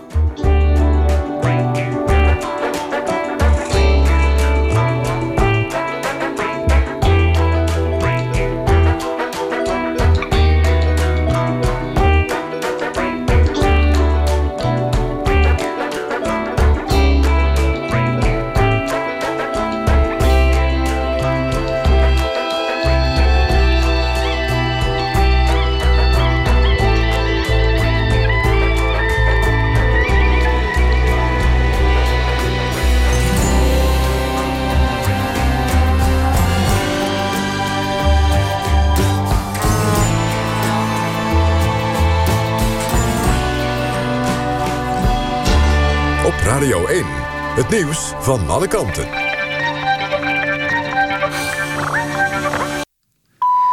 Eén uur, Mariette Krol met het NOS Journaal. Het kabinet houdt de komende ochtend in Den Haag crisisberaad over orkaan Irma en de schade die is aangericht op de Caribische eilanden van Nederland.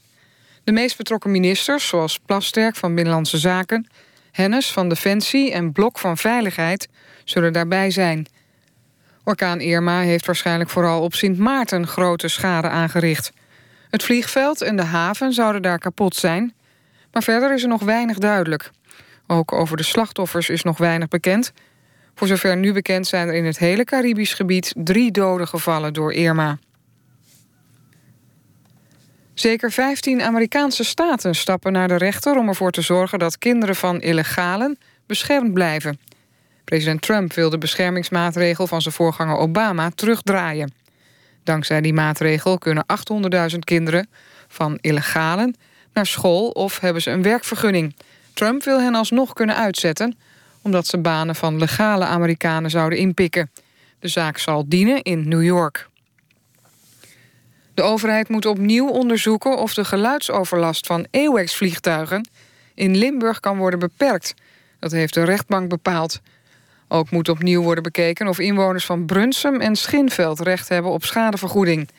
De AWACS zijn omgebouwde Boeing 707. Die zijn al jaren niet meer toegestaan in de Amerikaanse en de Europese burgerluchtvaart. Bij een woningbrand in Zeist is een dode gevallen. Waarschijnlijk een vrouw, maar dat is nog niet bevestigd. De brand ontstond aan het begin van de avond, waardoor is onduidelijk. De brandweer van Zeist heeft het slachtoffer nog naar buiten gebracht om te koelen, maar toen was het al te laat. Het weer, vannacht hier en daar een bui bij ongeveer 12 graden. En ook de komende dag nog buien, vooral in het noorden. In de middag wat zon en het wordt 18 tot 20 graden. Dit was het NOS Journaal. NPO Radio 1. VPRO. Nooit meer slapen.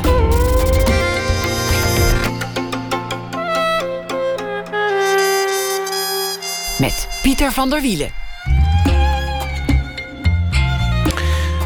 Negin Sendegani die eh, portretteerde 24 gemengde gezinnen in Nederland. En dat werd een, eh, een boek en een tentoonstelling. De titel is Waarom ik van je houd. Zometeen een gesprek met haar.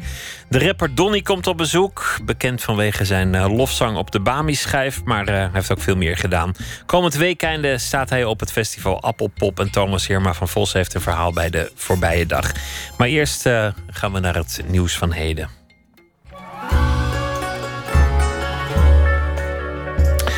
De Tolk van Java, het eh, boek waarmee Alfred Burney in eh, romanvorm vertelt over de vreedheden die zijn Indonesische vader in opdracht van de Nederlandse regering moest eh, begaan, wordt nu naar het Indonesisch vertaald.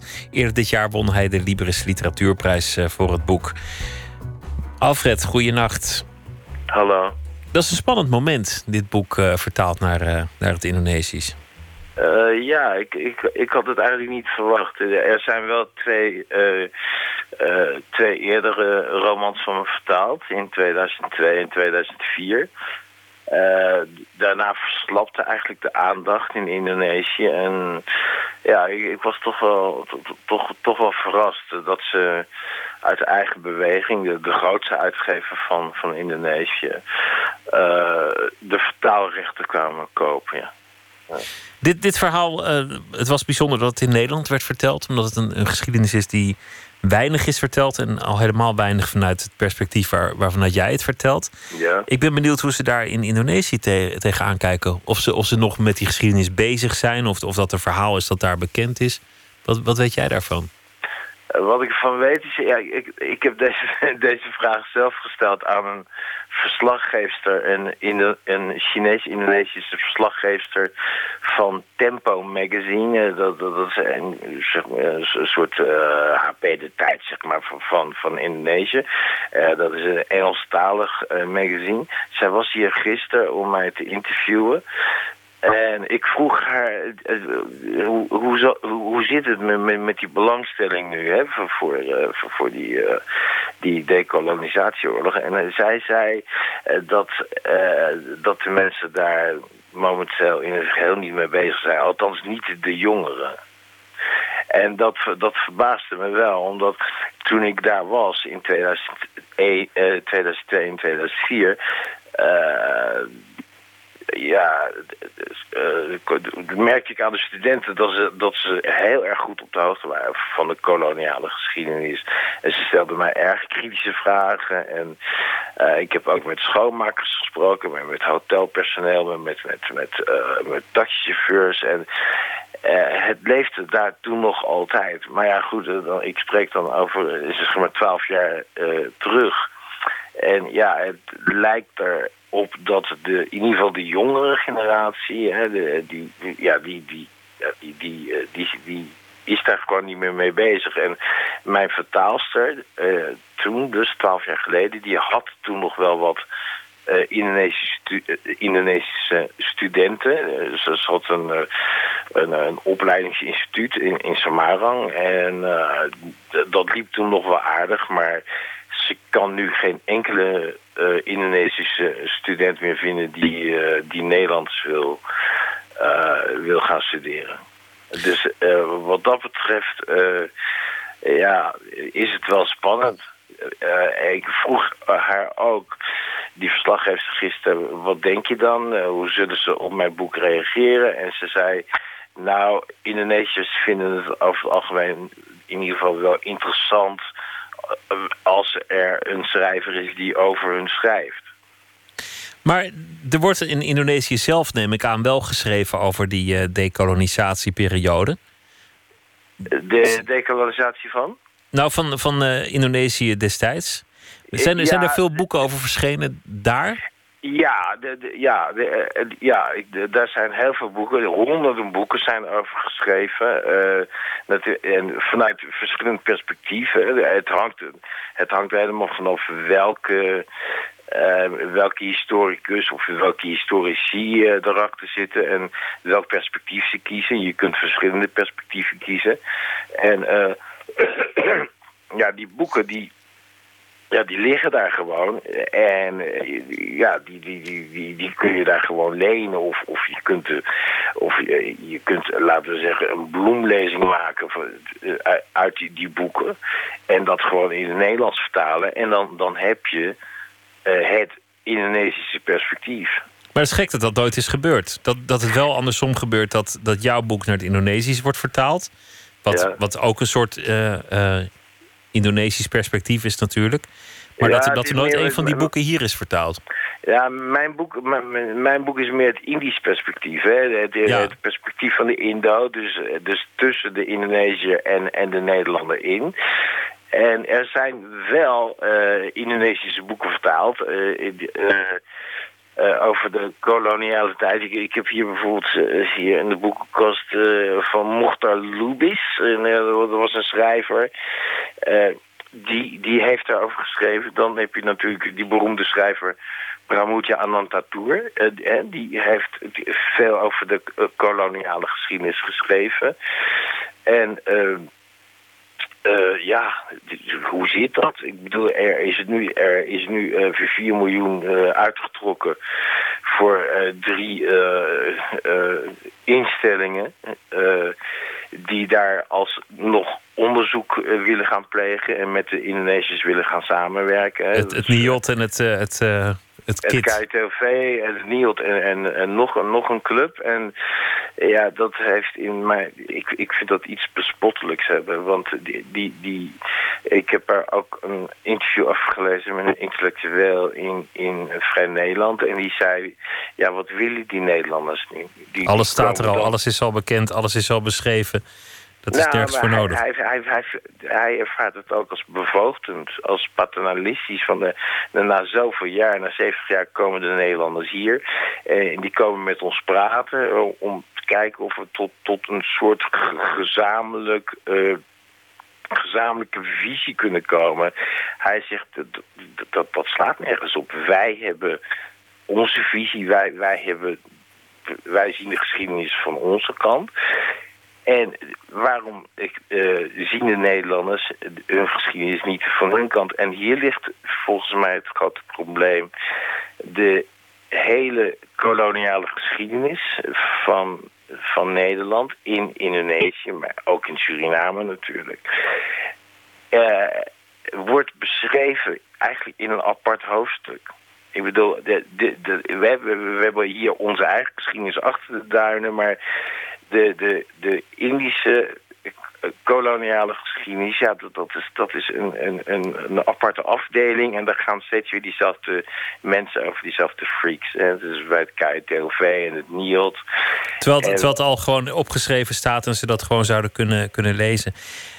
Alfred, dankjewel. Ik wil die... Sterker, de- de- de- er, er, er zijn hier in Nederland allerlei archieven die, die, die, waar, waar ze gewoon in kunnen duiken. Alles, alles ligt er al, geen, eh, geen subsidie Alles voor nodig. Ze hoeven er echt niet voor naar Indonesië, echt niet. Nee. Succes met de vertaling en ik hoop dat het boek Ja. daar eh, een succes zal zijn. En voor ja, nu een ik ben goede nacht. benieuwd. Oké, bedankt hoor. Dag. Goeienacht, Alfred Bernie.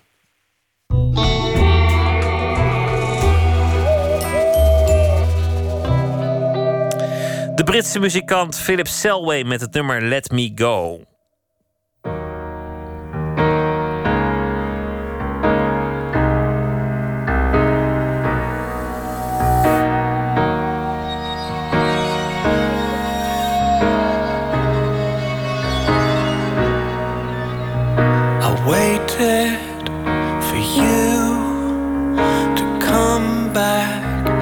Never came. I called out for you. You pushed me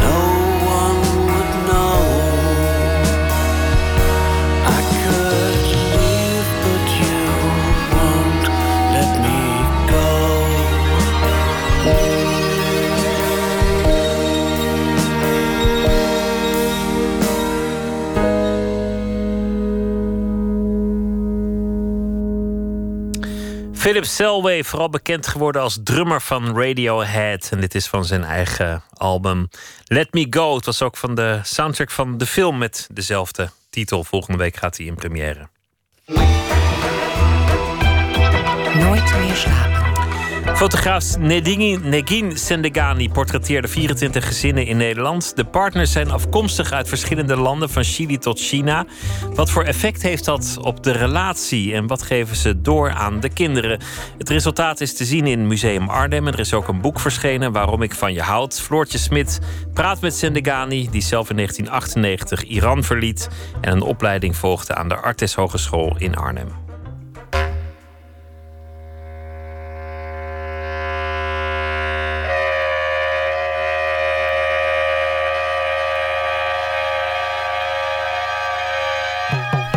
Het is het soort foto dat vroeger in elk huis wel te vinden was. Zo'n familieportret met mama, papa en de kinderen. Je moest ervoor naar de fotograaf. De mooiste kleren gingen aan. De rug moest recht. Je mocht niet te veel lachen. En voilà. Dit zijn wij, zei zo'n foto. Zo presenteren wij ons als gezin, als eenheid. Fotografe Negin Zendegani maakte 24 van dit soort ouderwetse portretten. Met één overeenkomst. Een van de partners is afkomstig uit een ander land. In het Museum Arnhem is haar expositie Waarom ik van je houd te zien. Samen kijken we naar Adri, die getrouwd is met de Chinese Sulin. Ze staan wat schuchter op de foto samen. Wat ik weet over de Chinese cultuur, heel algemeen en heel cliché, zie ik een beetje terug in haar. De stilte, vriendelijkheid. En Adrie is, is ook... eh, ja, ze lijken een beetje op elkaar. Ik denk dat langzamerhand man en vrouw een beetje op elkaar lijken in een tijd, tijdje. Ja. Haar fotoserie Waarom ik van je houd komt eigenlijk voort uit een eerdere serie. Gelukszoekers, geluksbrengers heette die. En die ging over succesvolle vluchtelingen in Nederland. Ik heb veel mensen ontmoet die tijd en dacht, nou oké, je hebt een carrière gemaakt, eh, je hebt goed gestudeerd, eh, je doet goed in de Nederlandse samenleving, oké, en daarna, hè, je, je gaat trouwen met een Nederlander, je, krijgt een kind. En hoe, hoe is het dan nu in klein, eh, zeg maar, eh, klein maatschappijtje, hè, eh, samenleving, eh, cultureel verschil samenleving? Hoe doen jullie dat?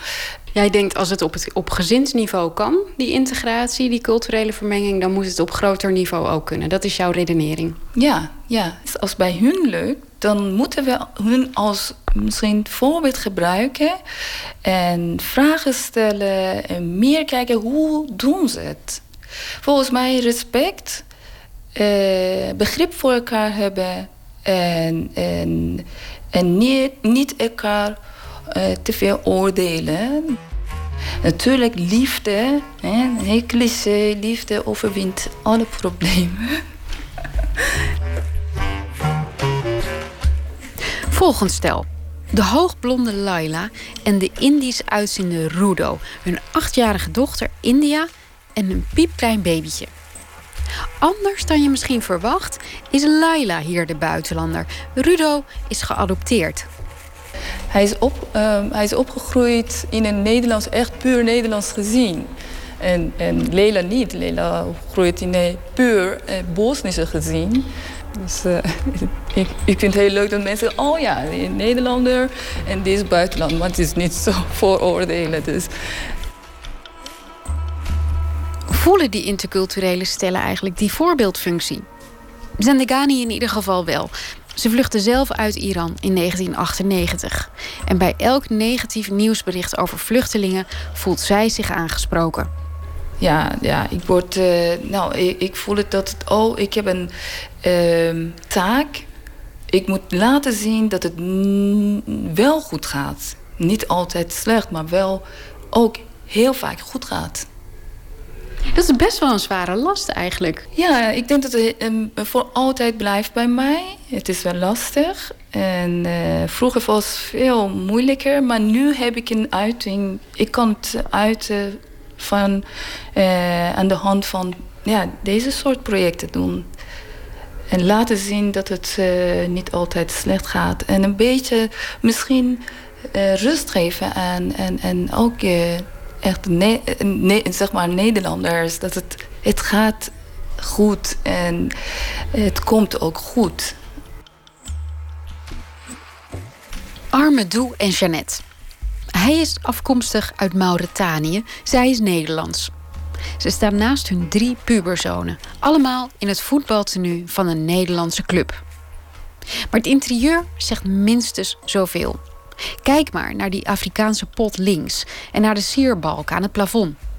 Alles wat er op de grond en op de muur is, is van, vanuit ehm, Afrika, waar, waar Amadou komt, vandaan komt. En, maar toch muur van, een Nederlandse muur. En als je plafond naar plafond kijkt, het is echt een Nederlandse oer-Nederlandse plafond.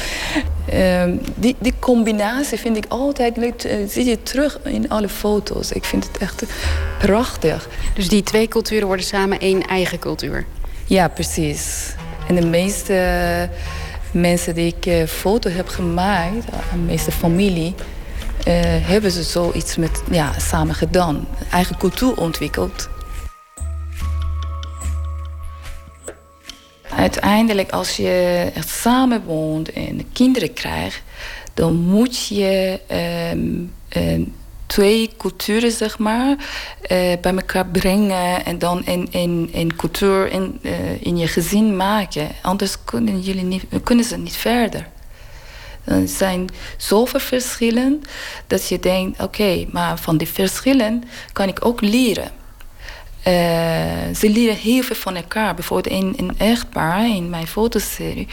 Eh, man is een Nederlands man. eh, dat het nooit in, in zijn leven heeft gedanst. Hè? Maar nu, nu gaat bij ieder feest gaat dansen.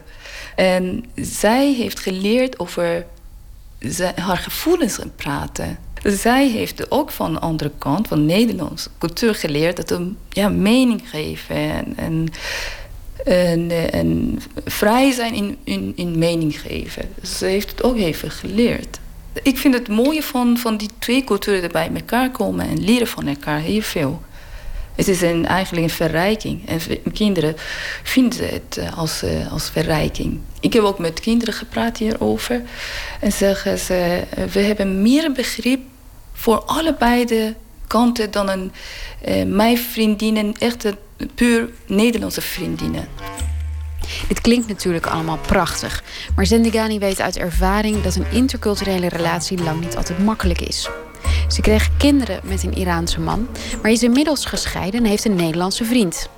Vooral in de taal zijn er heel veel nuances. Dat je bijvoorbeeld niet weet wat hij bedoelt. Of hij weet niet wat ik bedoel. Dus soms is het een beetje...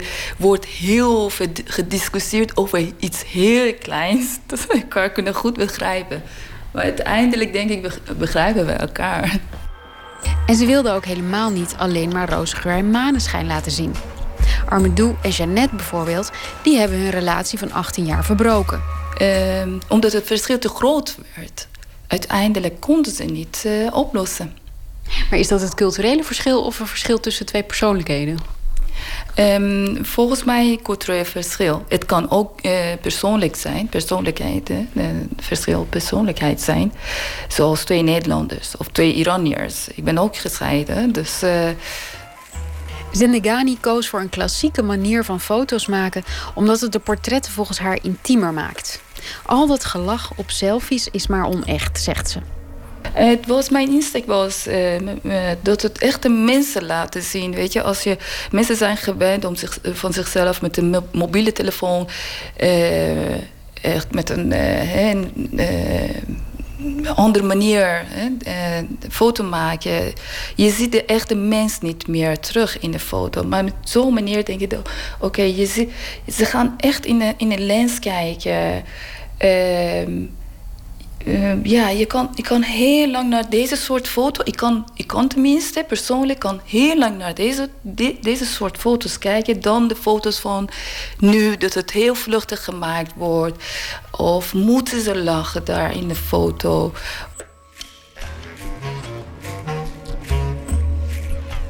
Ja, ik kom eigenlijk in een, meest privé ruimte. Dat het woonkamer, weet je, het huis. En dan ook vragen. Je, jullie moeten in beste kleding voor mij, hè, voor de camera staan. Dus het is niet makkelijk. Ik kan, ik kan heel goed voorstellen. Ik ben ook zelf niet makkelijk mens voor een fotograaf hoor.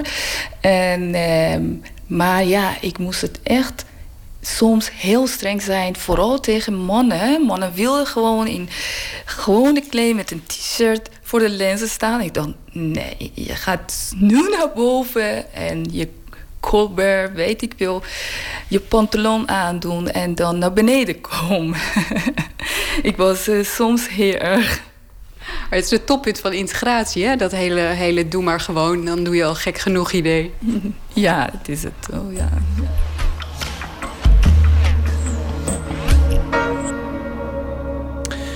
Fotograaf Negin Sendegani over het eh, boek en over de expositie Waarom ik van je houd. En eh, de serie is nog te zien in Museum Arnhem tot eind deze maand. Een bijdrage van Floortje Smit. De Amsterdamse rapper Donny is hier eh, aanwezig. En we gaan luisteren naar een van zijn nieuwe nummers. 180 linkerbaan. Ik zie je.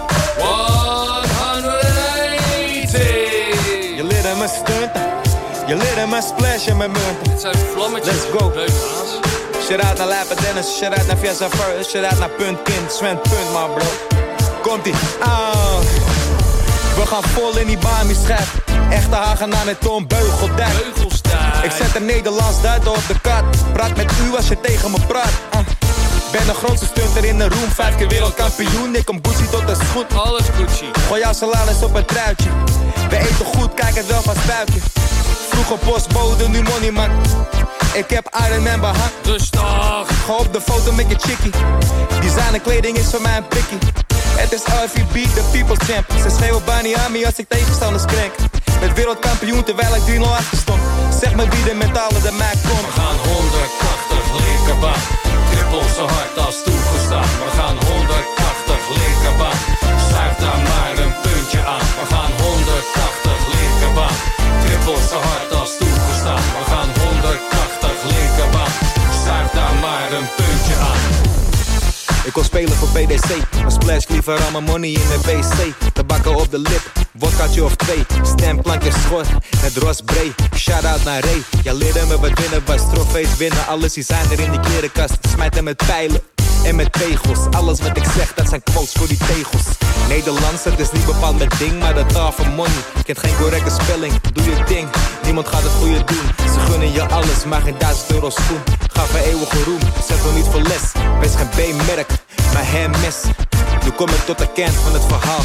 Volg je hart en kom met dat. We gaan 180 linkerbaan. Trippel zo hard als toegestaan. We gaan 180 linkerbaan.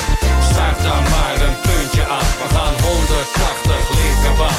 Trippel zo hard als toegestaan. We gaan 180 linkerbaan. Schuif daar maar een puntje aan. Ik zie je pols in zwaai, gaat bijna door je rug. alles Apple, hè? Alles Apple. En hoor dan, ik heb een keer met drie pijlen heb ik 180 gegooid, man. Ik, ik was echt blij, man. Met drie? Ik een keer met één pijl 220. Hoe dan? Rechtstreeks in het stopcontact.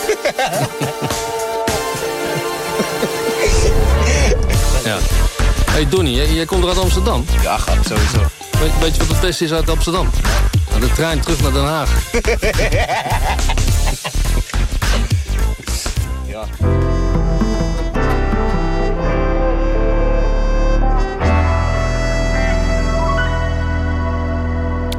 De rubriek heet Open Kaart 150 vragen over werk en leven. En de gast trekt zelf eh, de vragen. De gast is eh, rapper Donny uit Amsterdam. Artiestennaam van eh, Donald Slosky. Hij heeft een nieuw album al sinds juni afgelopen weekende was hij te zien op Vlieland op Into the Great Wide Open. En komend weekende in de Betuwe op het festival Appelpop. Hartelijk welkom Donny. Goedenacht, een fenomeen bij Radio 1. De fenomeen is een van je bijnamen. Yes. Mar- Marilyn Monroe wordt je wel eens genoemd. Mara Donny wordt je wel eens genoemd. Er- kwam een hele waslijst van, eh van geuzennamen bij. Maar de fenomeen is wel de, de, favoriete, denk ik. Ja, klopt. Want die is altijd bij me blijven hangen omdat mijn vader me zo noemde. Je vader noemde die al de fenomeen. Die had het al jong gezien. Ja. En dat is altijd bijgebleven. En wat je, wat je ook altijd achtervolgt... is dat je, dat je dol bent op Bami schrijven. Ja, maar dat is een beetje uit eh, zijn context eh, gehaald. Want het ging er mij meer om. Kijk, ik vind het leuk om in het leven, zeg maar, juist niet de voor de hand liggende dingen aan te kaarten. Dus een Bami schijf, dat is al heel lang in het assortiment van een bepaalde snackketen. En dat vond ik gewoon zo leuk. Want, dus er is animo voor, want het blijft bestaan. Maar je hoort Iemand nooit mensen zeggen, ja, snap je, van, van ik eet een Bami schijf en daar heb ik gewoon op ingespeeld. Maar dat vind ik leuk. Ik vroeg me al jaren af wie het altijd. Toen dacht ik dat ik hem eindelijk gevonden had in jouw persoon. Maar Ja, dat, dat was het niet. Het, het, is, het, is- het is wel een bepaald soort type mens waar het eten. Dat heb ik altijd wel door. Maar ik, ik denk wel dat, dat door mij... Ik heb het populair gemaakt onder, onder, onder, onder de jongeren. Dus eigenlijk moet ik gewoon een percentage krijgen, man. Voor de winstomzet van 2017. Je hebt, je hebt, je hebt de Bami-schijf weer wat eh, allure gegeven. Juist, hè. Het was ook, het was ook een, een, een typisch moment in, in jouw rijm. Van eh, de, de Bami-schijf die kwam, die kwam in de rap. Hoe, ging het ook alweer? Het is, het is een, een, een mooie... Metafoor. Ja, nee, maar een, een mooie tijd om te leven. Ja. Eh, en een, een mooie tijd om... Nou, ik ben Om een vergeten. Bami schrijft te eten om het echt in Nederlands eh, te doen. Ja, precies. Maar, maar ook dat, dat was een soort van gewoon uit het niks. Dat was gewoon een freestyletje gewoon in, in de studio. En toen gingen we zo stukken met elkaar. En dit is gewoon blijven hangen en that's it. Af en toe is het zo je- simpel. Schrijf je je raps in de studio? Ga- Gaat het zo spontaan? Of, of heb je al iets eh, op papier als je naar Nee. binnen gaat? Ik sta gewoon voor de microfoon en ik doe het gewoon. Ter plekke? Ja man. Ik doe gewoon wat eh, zeg maar in me opkomt. Moet, moet je in een bepaalde staat zijn om dat te doen? Moet je dat, dat opwekken of kan je dat altijd? Nee, dat, dat kan je gewoon altijd. Je zou hier ter plekke gewoon al een, een, een rap uit je mouw kunnen schudden. Ja, als u een factuurtje naar mijn manager stuurt, dan kan het wel. Nee, geintje, nee man. Ja, ja, kan wel, tuurlijk. Ja, nee, maar het is zo simpel. Maar kijk, ik doe het al zo lang af vanaf ik 16 ben. Dus ik doe het nu al 7 jaar. Of misschien al eerder, zeg maar, dat ik zo intensief ermee bezig ben. Dus ik heb alles al lang gebestudeerd. Van de Prince tot een George Michael, tot een David Bowie, tot et cetera. Dat ik het gewoon weet een beetje hoe het in, in, in elkaar zit. En het gaat eigenlijk om, klinkt het leuk? En wat je zegt, ja, dat doet er eigenlijk niet zoveel toe, zeg maar. Als je niet, zeg maar, politiek wil komen, weet je wel. Gewoon als een politici wil gaan. Ik zal je niet vragen om nu ter plekke een rap te maken, maar, maar hoe, hoe begon het? Wat begon? Gewoon het begin. Het rappen, wa- wanneer kwam dat in je, in je bestaan? Ehm, ik keek gewoon tv en ik zag gewoon bijv- bijvoorbeeld een prins en zo. Maar ik keek bijvoorbeeld niet hoe kwamen hun op tv door hun muziek. Maar hoe zagen ze eruit? Van, wat- van, van, eh, wat was hun appearance, zeg maar. En die had ook vroeger die guy van Top of the Pop. Hoe heet die dude nou? Met die soort van wilde kapsel, zeg maar. Met die bril altijd op, weet Ad je wel. Visser. Juist hem. Ad Visser, man. Ik zie je. En hij was ook zeg maar, zo'n typische dude. Zeg maar, zijn, zeg maar, zijn uitstraling was gewoon one of a kind. En zeg maar, iedereen kent hem door die kuif en door die bril. Want eh, zijn naam wist ik geen heb je, maar eh, zijn uiterlijk die is me bijgebleven. Is- En zeg maar, dat heb ik nodig hebben. Maar toen ben ik gewoon gaan bestuderen hoe, hoe zo komt Bon Jovi wel op tv en dit dat. En toen pas achteraf, toen realiseerde ik me ook van je muziek moet wel oké zijn. Maar als jouw appearance goed is, dan heb je al gewonnen, zeg maar. Want dan ben je een soort van, eh, ja, dan ben je een cultheld of zo, hoe mensen me noemen, weet je wel. Je looks en je imago, dat, dat zal uiteindelijk de doorslag geven, toch? Ja, dat hoop ik wel. Maar ik hoop ook wel gewoon dat mensen gewoon zien dat de muziek gewoon leuk is. Ik bedoel, ik, heb, ik merk wel echt de laatste tijd dat zeg maar, met alles wat ik doe, dat mensen dan soort van in een grappig hokje willen plaatsen. Dus wat ik denk, ja, af en toe ben ik ook wel eens serieus, snap je? Het is niet alleen maar eh, gein. Nee, af en toe ben ik ook wel zo van Maarten van Rossum, toch? Alleen maar brommen, toch? En dan ja. Iedereen heeft een, heeft een Maarten van Rossum in zich. Je, je werkt samen met Bas Bron. Dat is, dat is wel een beetje het, het genie achter de jeugd van tegenwoordig. In muzikale zin. Ja, Bas Bron was de reden waarom ik met rap begon. Hoe ging dat? Ja, gewoon, ik hoorde wat is gebeurd. Toen ging ik naar de, had je nog zo'n illegaal downloadprogrammaatje. Toen ging ik de stofzuiger, oh shit. Ja, dat mag een manager niet horen, maar toen ging ik de stofzuiger downloaden. En eh, wat ik nog meer, echte hip-hop, happen naar de baas en zo. Ik had het album gewoon gedownload. En dat heb ik helemaal grijs gedraaid, weet je wel. Gewoon net mijn opa's haar. En gewoon van sindsdien, van hun hebben me eigenlijk een soort van verpest, zeg maar. Maar toen merkte ik ook van dat het in Nederland kon, zeg maar, wat ik voor mijn ogen had, zeg maar. En ja, van zodoende ben ik ingerollen. En ik had altijd één droom en dat was met Bas Bron werken. En dat heb ik gedaan, zeg maar. Al twee albums, dus het is bevallen. Kan ik daaruit concluderen. Ja, het is sowieso bevallen. Ja, 100. Hoe ziet je leven eruit? Ja, ik word wakker, ik ga chillen, ik ga slapen. Nee, gewoon, gewoon, eh, ja, gewoon lekker, man. Ik bedoel, ik eh, bepaal zelf wat ik doe. Ik, ik ben eigenlijk elke dag in de studio. Ik probeer wel produ- productief te zijn voor mijn vriendin, zoals te koken en zo, weet je wel, huis schoon te maken. En eh, gewoon, ja, gewoon een goede persoon te zijn, zeg maar. Gewoon elke dag iets doen, ook voor de samenleving of zo, weet je wel. Het Leidseplein is wel een, een belangrijke plek voor jou. In, Ja. je, in je bestaan komt vaak terug in je, in je teksten en interviews. Kom, kom je daar vaak? Is, is dat waar, waar jouw sociale omgeving zich, eh, je sociale leven zich afspeelt? Nou, ik rol er altijd uit met de scheve pet op mijn kruin en met de scheve mond met André van Duin. Elk weekend. Vroeger. Vroeger. Ja, maar nu kom ik er wel nog wel, wel, wel gewoon vaak om gewoon even te praten met mensen die ik gewoon een vaak niet heb gezien. Maar het is de laatste parkeren. Dan kan ik geen eens mijn Vespa meer parkeren, snap je? Want dan staan ze om me heen. Die zeggen, Donnie, Donnie, Donnie, Donnie. Ja, daar word ik een beetje gek van. Dan ga ik weg, dan ga ik weer de rust in, zeg maar. Dat kan ik me wel voorstellen, ja. Dat wordt vermoeiend, Ja. dat, dat gedonnie. Laten we beginnen met eh, de kaart. Ik, ik wil je vragen om uh, omdreed te trekken. Gaan we en, klaar eh, voor jassen? Ja. Even schudden. Ja, man. Moet ik hem voorlezen nu? Ja. In welke film zou je spelen? Ik zou een Rocky 4 willen spelen. Welke was dat? Rocky 4 was met die Rus Ivan Drago. Die ging tegen Apollo Creed vechten. Want Apollo Creed had het vertrouwen van... ik ga nog één keer winnen. Van ik ga laten zien. Want die Rus versloeg iedereen. Maar Rocky zei... nee, nee, nee, don't do it. Adrian! En toen bam, hij ging met hem vechten. Uiteindelijk was zeg maar, die tragedie was... dat hij zeg maar, dood was gegaan. Hij was gewoon letterlijk doodgeslagen door, door die Rus. Maar ik zou eigenlijk... dat zou ik zeg maar echt in die film hebben willen... gewoon dat Russische moment hebben meegemaakt... bijvoorbeeld Rocky eh, tegen Ivan Drago moest. En toen is hij Amas break you. Dat hij gewoon twaalf rondes lang gewoon, gewoon klappen op zijn schedel kreeg. En gewoon bleef opstaan. En toen in de laatste ronde hem gewoon KO sloeg, zeg maar. En toen won hij. Maar het is zeg maar zo dom van dat het mooi is, snap je? Maar het is wel een soort van... Je kan het wel als een metafoor in het leven gebruiken. Van hoeveel tegenslagen je ook hebt. Van je hebt altijd een moment van dat je het kan overwinnen, snap je? En dat is ja... Is wel Rocky. Daar gaat, daar gaat die Rocky-films over. Ja, en er zit ook een speech in uh, Rocky 6 volgens mij. Uh, wat is het nou? It's not about how hard you can get hit. It's about how hard you can hit of zo, weet ik veel. En still keep moving forward. Dus het maakt niet uit hoe vaak je geslagen bent. Het gaat erom van dat je vooruit moet gaan. En er zit heel veel filosofische dingen in. En ik, en ik raad iedereen aan om gewoon dat ook te gaan kijken. En ik zou er graag nog een keer in willen spelen. Misschien Rocky 40 of zo. Laten, weet je. Of 43, ja. ja en, en het mooie is dat Sylvester Stallone heel lang rondliep met dat, dat script en dat idee voor Rocky. En niemand geloofde erin. En overal zeiden ze: nee, boxfilm, er zit niemand op te wachten. En hij was arm en hij had geen geld. En, uh, en zijn vriendin ging bij hem weg. En hij bleef erin geloven. Dus eigenlijk gaat die film ook een beetje over de film zelf. Ja. Over, over de man die altijd maar met dat script van Rocky bleef leuren. Ja, hij tot zijn in laatste snik. Hij zat ook in een porno, toch? Sylvester weet je dat? Ja, ja, ja. ja toen de huur moest betaald. nee, maar de Italian Stallion, dat is van zijn porno carrière. En dat is altijd zeg maar, bijgebleven, zeg maar. Wist je dat niet? Nee, dat wist ik niet. Bam! Bam! De fenomeen facts. Trek er nog maar één uh, fenomeen facts. Wat waardeer je in je vrienden? Ehm, ik ga eerlijk met, met je zijn. Ik, ik heb niet echt veel vrienden. Ik, ik heb alleen mijn neef, uh, Dennis. En eh, wat ik aan hem waardeer, en ook aan mijn vriendinnen, is dat ze eerlijk zijn. Ze zijn geen meepraters. En ook aan Daan, zeg maar, mijn managers, ze zijn geen meepraters. Ze zeggen gewoon resoluut van nee, je moet dit niet doen om die en die redenen. En uh, dan gaan we gewoon discussiëren en dan is het gewoon goed. Maar er zijn heel veel mensen gewoon die dan zeggen... ja, het is goed, grap en dit, dat weet je wel. Die is, is allemaal yes men, zeg maar. En daar hou je niet van? Nee. Snap je? Je moet wel een soort van feedback hebben of een beetje pit hebben, anders is het wel heel makkelijk.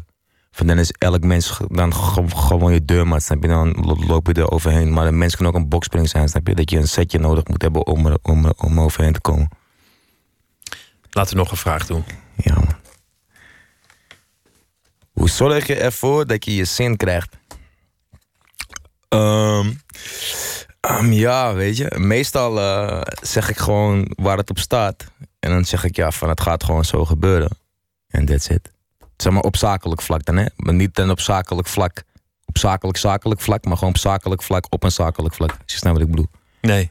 Kijk, als het echt zakelijk, zakelijk is, dan, dan is het echt zakelijk. Maar als het zakelijk, zakelijk is, dan is het soort van speling tussen. Dan mag ik het zelf, zelf bepalen. Bijvoorbeeld uh, in, in een videoclip. Van wil je die zwijten of die rode schoen aan? zeg ik nee man, ik trek geen beide aan, ik ga wit aan doen. Dus dan, dan is het gewoon resoluut, dan krijg ik mijn zin. Als je, omdat je gewoon duidelijk bent. Je zegt gewoon zo gaat het gebeuren. En dan, dan hebben Ja. mensen niet eens de moed er tegen in te gaan. Ja, en als ik bij mijn vriendin ben en ze zegt van uh, gooi het vuilnis weg. Dan uh, doe ik zeg maar die vrouwentechniek wat ze altijd op ons doen. Zeg ik nee, ik heb geen zin, want ik had al uh, verleden week had ik al twee keer het vuil weggegooid van, weet je wel, en dan bam. Dat werkt. Tuurlijk man, je, je moet met van, je moet met hun eigen trucken moet je het doen toch? Met de eigen middelen bestrijden. Ja, ja man. Tuurlijk. En dan ontstaat er niet een soort wapenwetloop van ja, maar ik heb last van mijn rug, want ik heb zo hard gewerkt. Want ik heb gisteren. eh, nee. Nee, nee, nee. Maar het is mooi. gewoon af, af, af en toe ook, ook, ook een beetje sparren, toch een beetje sarren. Dat hou- houdt de relatie een beetje interessant. Ja, je moet de boel wel wakker houden. Tuurlijk. Laten we nog een vraag doen. Welk buitenlands gebruik of welke traditie zou je willen overnemen? Ehm, ik zou het bij God niet weten. Ehm, ja, eh, hoe mensen groeten in, volgens mij is het China toch? Dat ze gaan bukken. Met zo'n buiging. Buigen, ja. Dat is wel mooi, toch? Zo'n ja. Als je, als je op het podium staat en de mensen groeten je en ze buigen voor je. Ik denk dat het best wel eens een ego-streling is, toch? Ik vind het ook een teken van respect, zo'n buiging. Mooi, mooi, mooi gebaar, vind ik. Kom ik met een eh, kroontje op, op, man. Ja, fantastisch. Kom, we gaan nog, nog, eh, nog, nog één vraag doen. Of twee. Laten we twee hebben. Ben je wel eens in therapie geweest? Ja, één keer voor het fenomenismeschap waar ik aan leid. En toen zei de therapeut, het is gewoon wie je bent. Zei ik, oké, dank u wel. Dankjewel. Ja. 60 euro en, en iets wijzer naar buiten. Ja. Nog eentje. Wat wil je aan je kinderen meegeven? Dat je gewoon moet doen in je leven waar je gelukkig van wordt.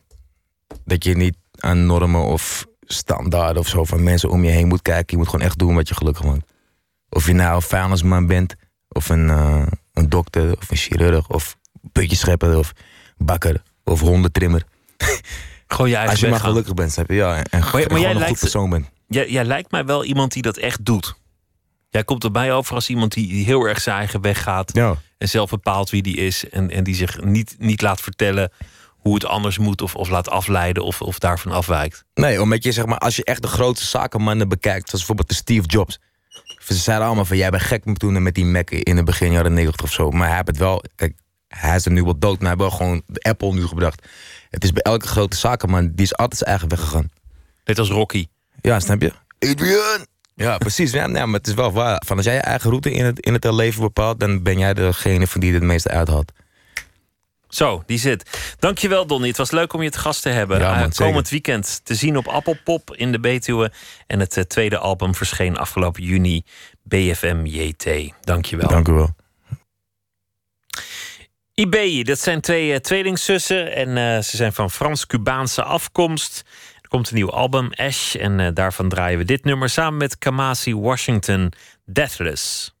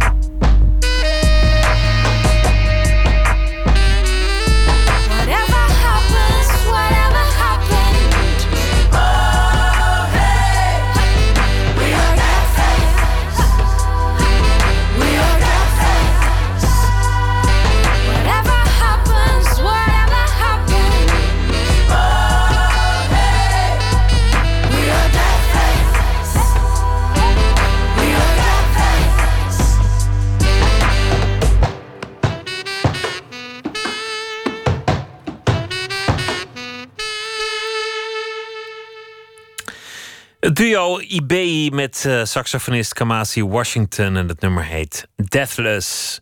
Eén minuut. Deze is gemaakt door Tjitske Musche en heet Nieuws. Ja, nou, ik ben, ben wel inderdaad benieuwd naar het resultaat. Ik, bedoel, ik heb twee kinderen gekregen, dus ja, mijn voorgevel is ook niet helemaal wat het geweest is. En dan kan ik gewoon eh, een hele mooie bikini kopen en hele spannende topjes. Want nou ja, je hebt eigenlijk geen BH meer nodig, eh, omdat toch alles eh, lekker stevig zit. Ik ben draagster van het BRCA2-gen. En over drie dagen wordt preventief al mijn borstweefsel weggehaald... en krijg ik siliconen prothese aangemeten. Ik hoop heel erg dat het eh, me een gevoel van opluchting geeft. En nou ja, dat ik dus dan nog maar een hele kleine kans heb om borstkanker te krijgen. Dat het nog maar een paar procent is in plaats van bijna 80 procent. Natuurlijk, als ik mag kiezen, dan liever mijn, mijn uitgezakte eigen borsten dan, dan prompt nepdingen. Maar ja, dat is niet anders.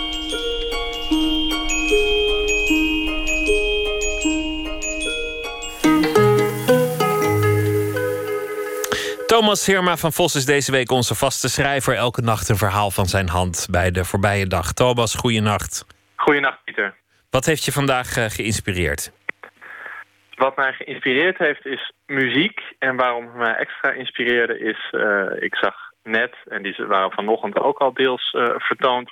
die beelden van, van Sint Maarten, wat daar allemaal voor vreselijks aan de hand was. En ik hoorde nu zelfs dat eigenlijk praktisch dat hele eiland is, is weggespoeld. Dus door de orkaan en dat zelfs uh, aardbevingenmeters op hol sloegen. Zo krachtig was de wind. Nou ja, dan, uh, wat ik dan vaak heb uh, bij zulke situaties... is dat een me toch al niet vreemd gevoel van machteloosheid totaal opspeelt. En waar ik dan vaak op teruggrijp. En ik weet dat mensen daar, daar nu niks aan hebben. Maar is muziek.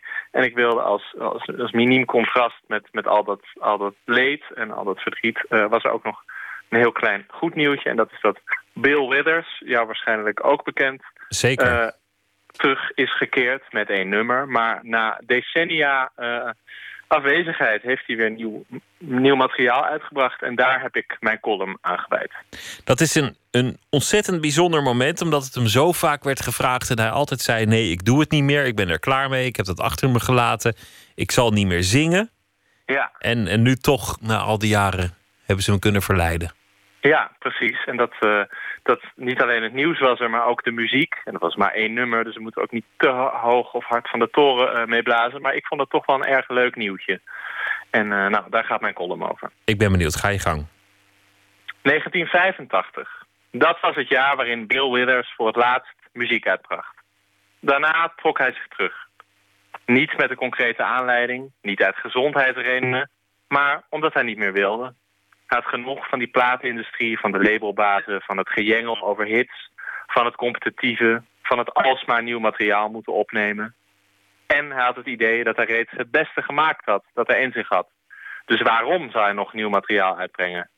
Vandaag was er dan toch ineens, na al die decennia, onaangekondigd een nieuw nummer van inmiddels 79-jarige Withers. Raggedy Ann, zo heet het, voor een heel biddy compilatie. Eerst even over die afwezigheid van dus 32 jaar. Withers was wel zichtbaar al die tijd. Hij werd af en toe bekroond. Hij werd af en toe gevraagd waarom hij niks meer uitbracht. En hij had met Lovely Day en vooral Ain't No Sunshine zulke monumentale succesnummers opgenomen... dat die jaar in, jaar uit afgespeeld bleven worden. En zo leerde ik bijvoorbeeld Withers ook kennen... terwijl ik pas jaren na zijn pensioen geboren werd. En dat pensioen dat nam er bijzonder voor hem in. Veel te vaak gaan kunstenaars jaren of zelfs decennia lang door... zonder dat ze duidelijk of voelbaar maken waarom eigenlijk. Ja, omdat dat van ze verwacht wordt. Omdat ze niets anders kunnen misschien. Maar het levert vaak oninteressante en soms zelfs pijnlijke tafereelen op. De schrijver die jaar in jaar uit vergeefs probeert het succes van zijn vroege werk te evenaren. De muzikant die avond na avond op een podium zijn oude hits opvoert. Bij zulke figuren denk ik doorgaans maar één ding. Trek je terug. Doe alsjeblieft eens een stap naar achter, weg van de schijnwerpers. En volgens mij is dat een onderschat talent. Weten wanneer je hebt gedaan wat je kan. Wanneer je niets meer toe te voegen hebt aan je eerdere werk. Stoppen voor je voorgoed verslaafd bent aan applaus en aan de bühne. Een van de beste schrijvers die op deze wereld rondloopt, Philip Roth, is enkele jaren geleden gestopt met schrijven. Omdat hij iets begreep wat veel meer auteurs van zichzelf zouden moeten begrijpen. Dat het beste er wel van af was. Dat er geen noodzaak was om verder te gaan. En een van de beste acteurs ter wereld, Daniel Day-Lewis, stopte begin deze zomer met acteren. Voor allebei is mijn waardering na hun besluit alleen maar gestegen. En een bijkomend voordeel is dat als zo iemand, zo'n kunstenaar, na jaren van stoppen, straks ineens toch weer ten verschijnt, er veel meer publieke interesse zal zijn. Zo ook, denk ik, bij Will Withers. Veelvuldig zag ik vandaag dat nieuws over zijn comeback voorbij komen. En dat Raggedy Ann zelf, dat nieuwe nummer, nee, dat zal niet decennia lang gedraaid worden. Maar het heeft toch, als je naar luistert, iets aangenaam ontspannends. Meer spoken word dan werkelijke zang. Withers stem is uiteraard ouder geworden, beetje breekbaar zelfs. Maar toch klinkt er iets achterloos plezierigs in door. Iemand die 30 jaar in afzondering heeft nagedacht wat hij eigenlijk nog wil. Met zijn leven, met zijn muziek, met zijn teksten. En die het alleen al daarom verdient dat we er goed naar luisteren. Over de heugelijke comeback van eh, Bill Withers, ook al gaat het maar eh, om een liedje. Hij was ook altijd heel bitter, hè? dat was ook, ook een deel ervan. Hij had gewoon geen zin meer om ooit nog met een platenbons aan tafel te zitten... of, of met een platenmaatschappij of wie dan ook. Ja, dat, eh, ik, heb, ik heb ook even wat citaten opgezocht. Het ene moment was hij bitter inderdaad over waarom hij niks meer deed. Het andere moment zei hij, ik ben heel verlegen. Eh, maar ja, die verlegenheid was kennelijk eerst geen reden om, er, om geen muziek uit te brengen. En het was duidelijk dat, dat het hem gewoon niet, was, niet genoeg was bevallen om ermee door te gaan. Die hele, dat hele industriële aspect. En eh, ook bij, bij, bij eh, eh, gedenktekens en eh, ehm, Wall of Fame dingen die voor hem dan eh, werden georganiseerd. Of tributeconcerten, daar deed hij ook maar zelden aan mee. Eh, daar had hij gewoon geen trek in. En hier had hij dus kennelijk wel weer trek in. Dus dat, eh, en dat is ook wel te horen en dat vind, dat vind ik er erg leuk aan. En sowieso vind ik het erg innemend eigenlijk. Het is een mooi verhaal. Thomas, dankjewel en goede nacht en tot morgen. Ja, hetzelfde. Tot morgen. En in de gauwigheid hebben we het eh, op weten te zoeken. Hier is eh, dat nieuwe nummer van Bill Withers, Raggedy Ann.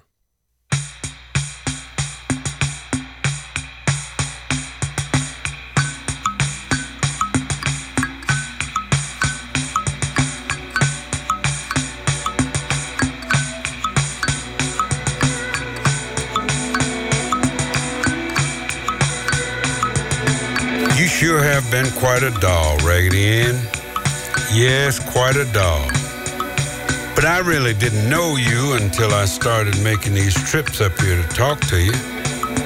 And now I'm beginning to see more and more why my baby loved you so much. Why, Raggedy Ann, sometimes I'd almost swear that you're just about as much alive as I am. When I hug you up close to me, I feel every ounce of the warm glow of love that she must have felt. And you know what, Raggedy Ann? I'd give anything I owned in this world if I knew just half of the memories that have passed through those little black button eyes of yours, hid themselves in their tear stained stuff. Well, I'll bet you're just busting out with little old childhood secrets that could really set a lonely man's heart aglow. Sometimes I still have to laugh the way you had to sample all of her food and see all of her little new dresses and answer a thousand questions. It's really a small wonder that you're all in one piece the way she used to drag you around by one leg everywhere she went. But you didn't seem to mind because you always had that big old smile on your face. And you know something, Raggedy Ann? I bet that smile has dried more tears and cured more little hurts than I could ever hope to kiss away. And I'll tell you something else. That big smile has given me strength to face some pretty trying times myself.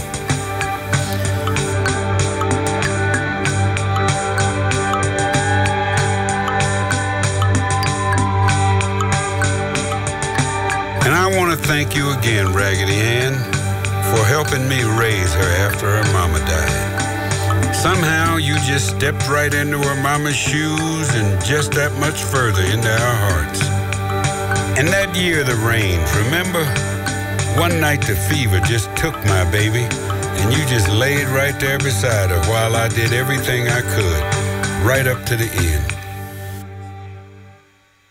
And since then, It's just been me and you, Raggedy Ann. Just me and you. But you know, the years haven't seemed to bother you too much. Of course, you're a little faded here and there from the wind and rain, but that heartwarming charm and that spark of love seems stronger now than it ever did. And look at me. I barely made it up the hill today. Look, Raggedy Ann, I can't even brush the dirt from my knees. So don't look for me tomorrow. I won't make it. I'd like to take you with me, Raggedy Ann, but I know you'll be happier right here, watching over my baby and keeping her warm. Well, I gotta leave you now. I gotta go. And about the only thing that comes to my mind to say to you is, God bless you. And you sure have been quite a doll, Raggedy Ann. Yes, sir, quite a doll.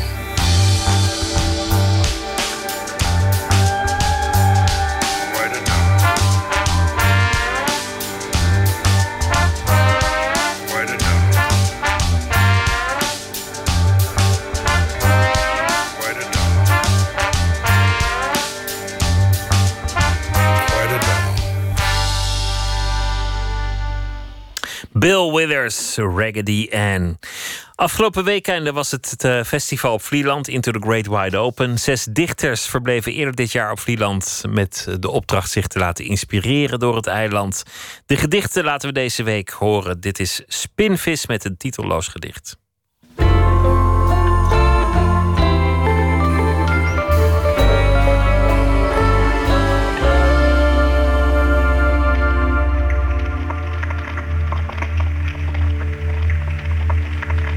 Pad van 20.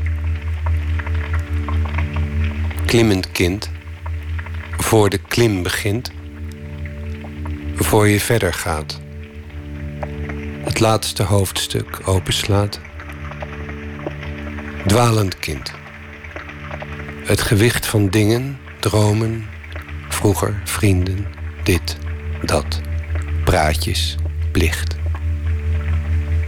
Je sleept alles mee. Je sleurt je schoenen en je raadsels, je versleten hart door de duinen, langs de jaren, langs de namen, naar de zee, de zee, de zee. Kijk, daarboven, daar waar je straks zult staan, oog in oog met de andere kant met het wijdse geheim, het eerste licht.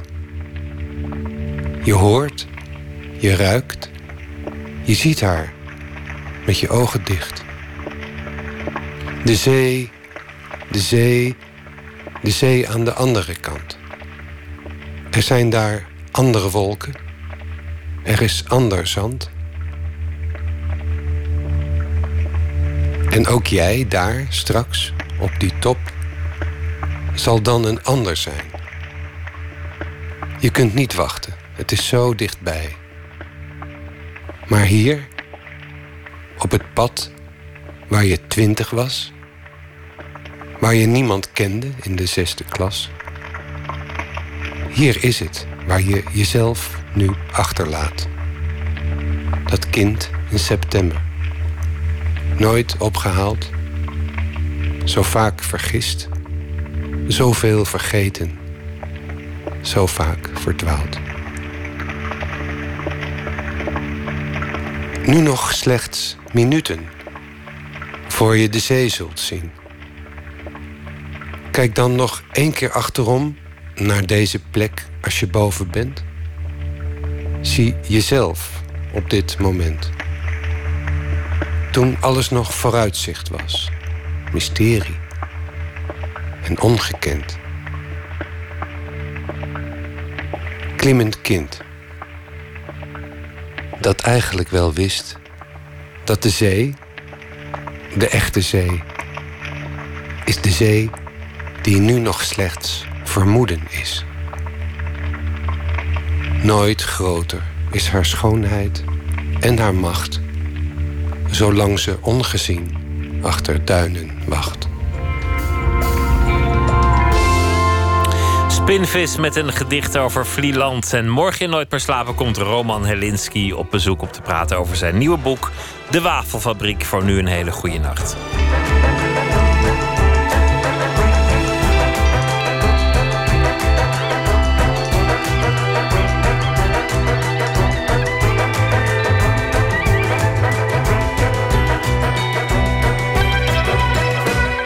Op Radio 1, het nieuws van alle kanten.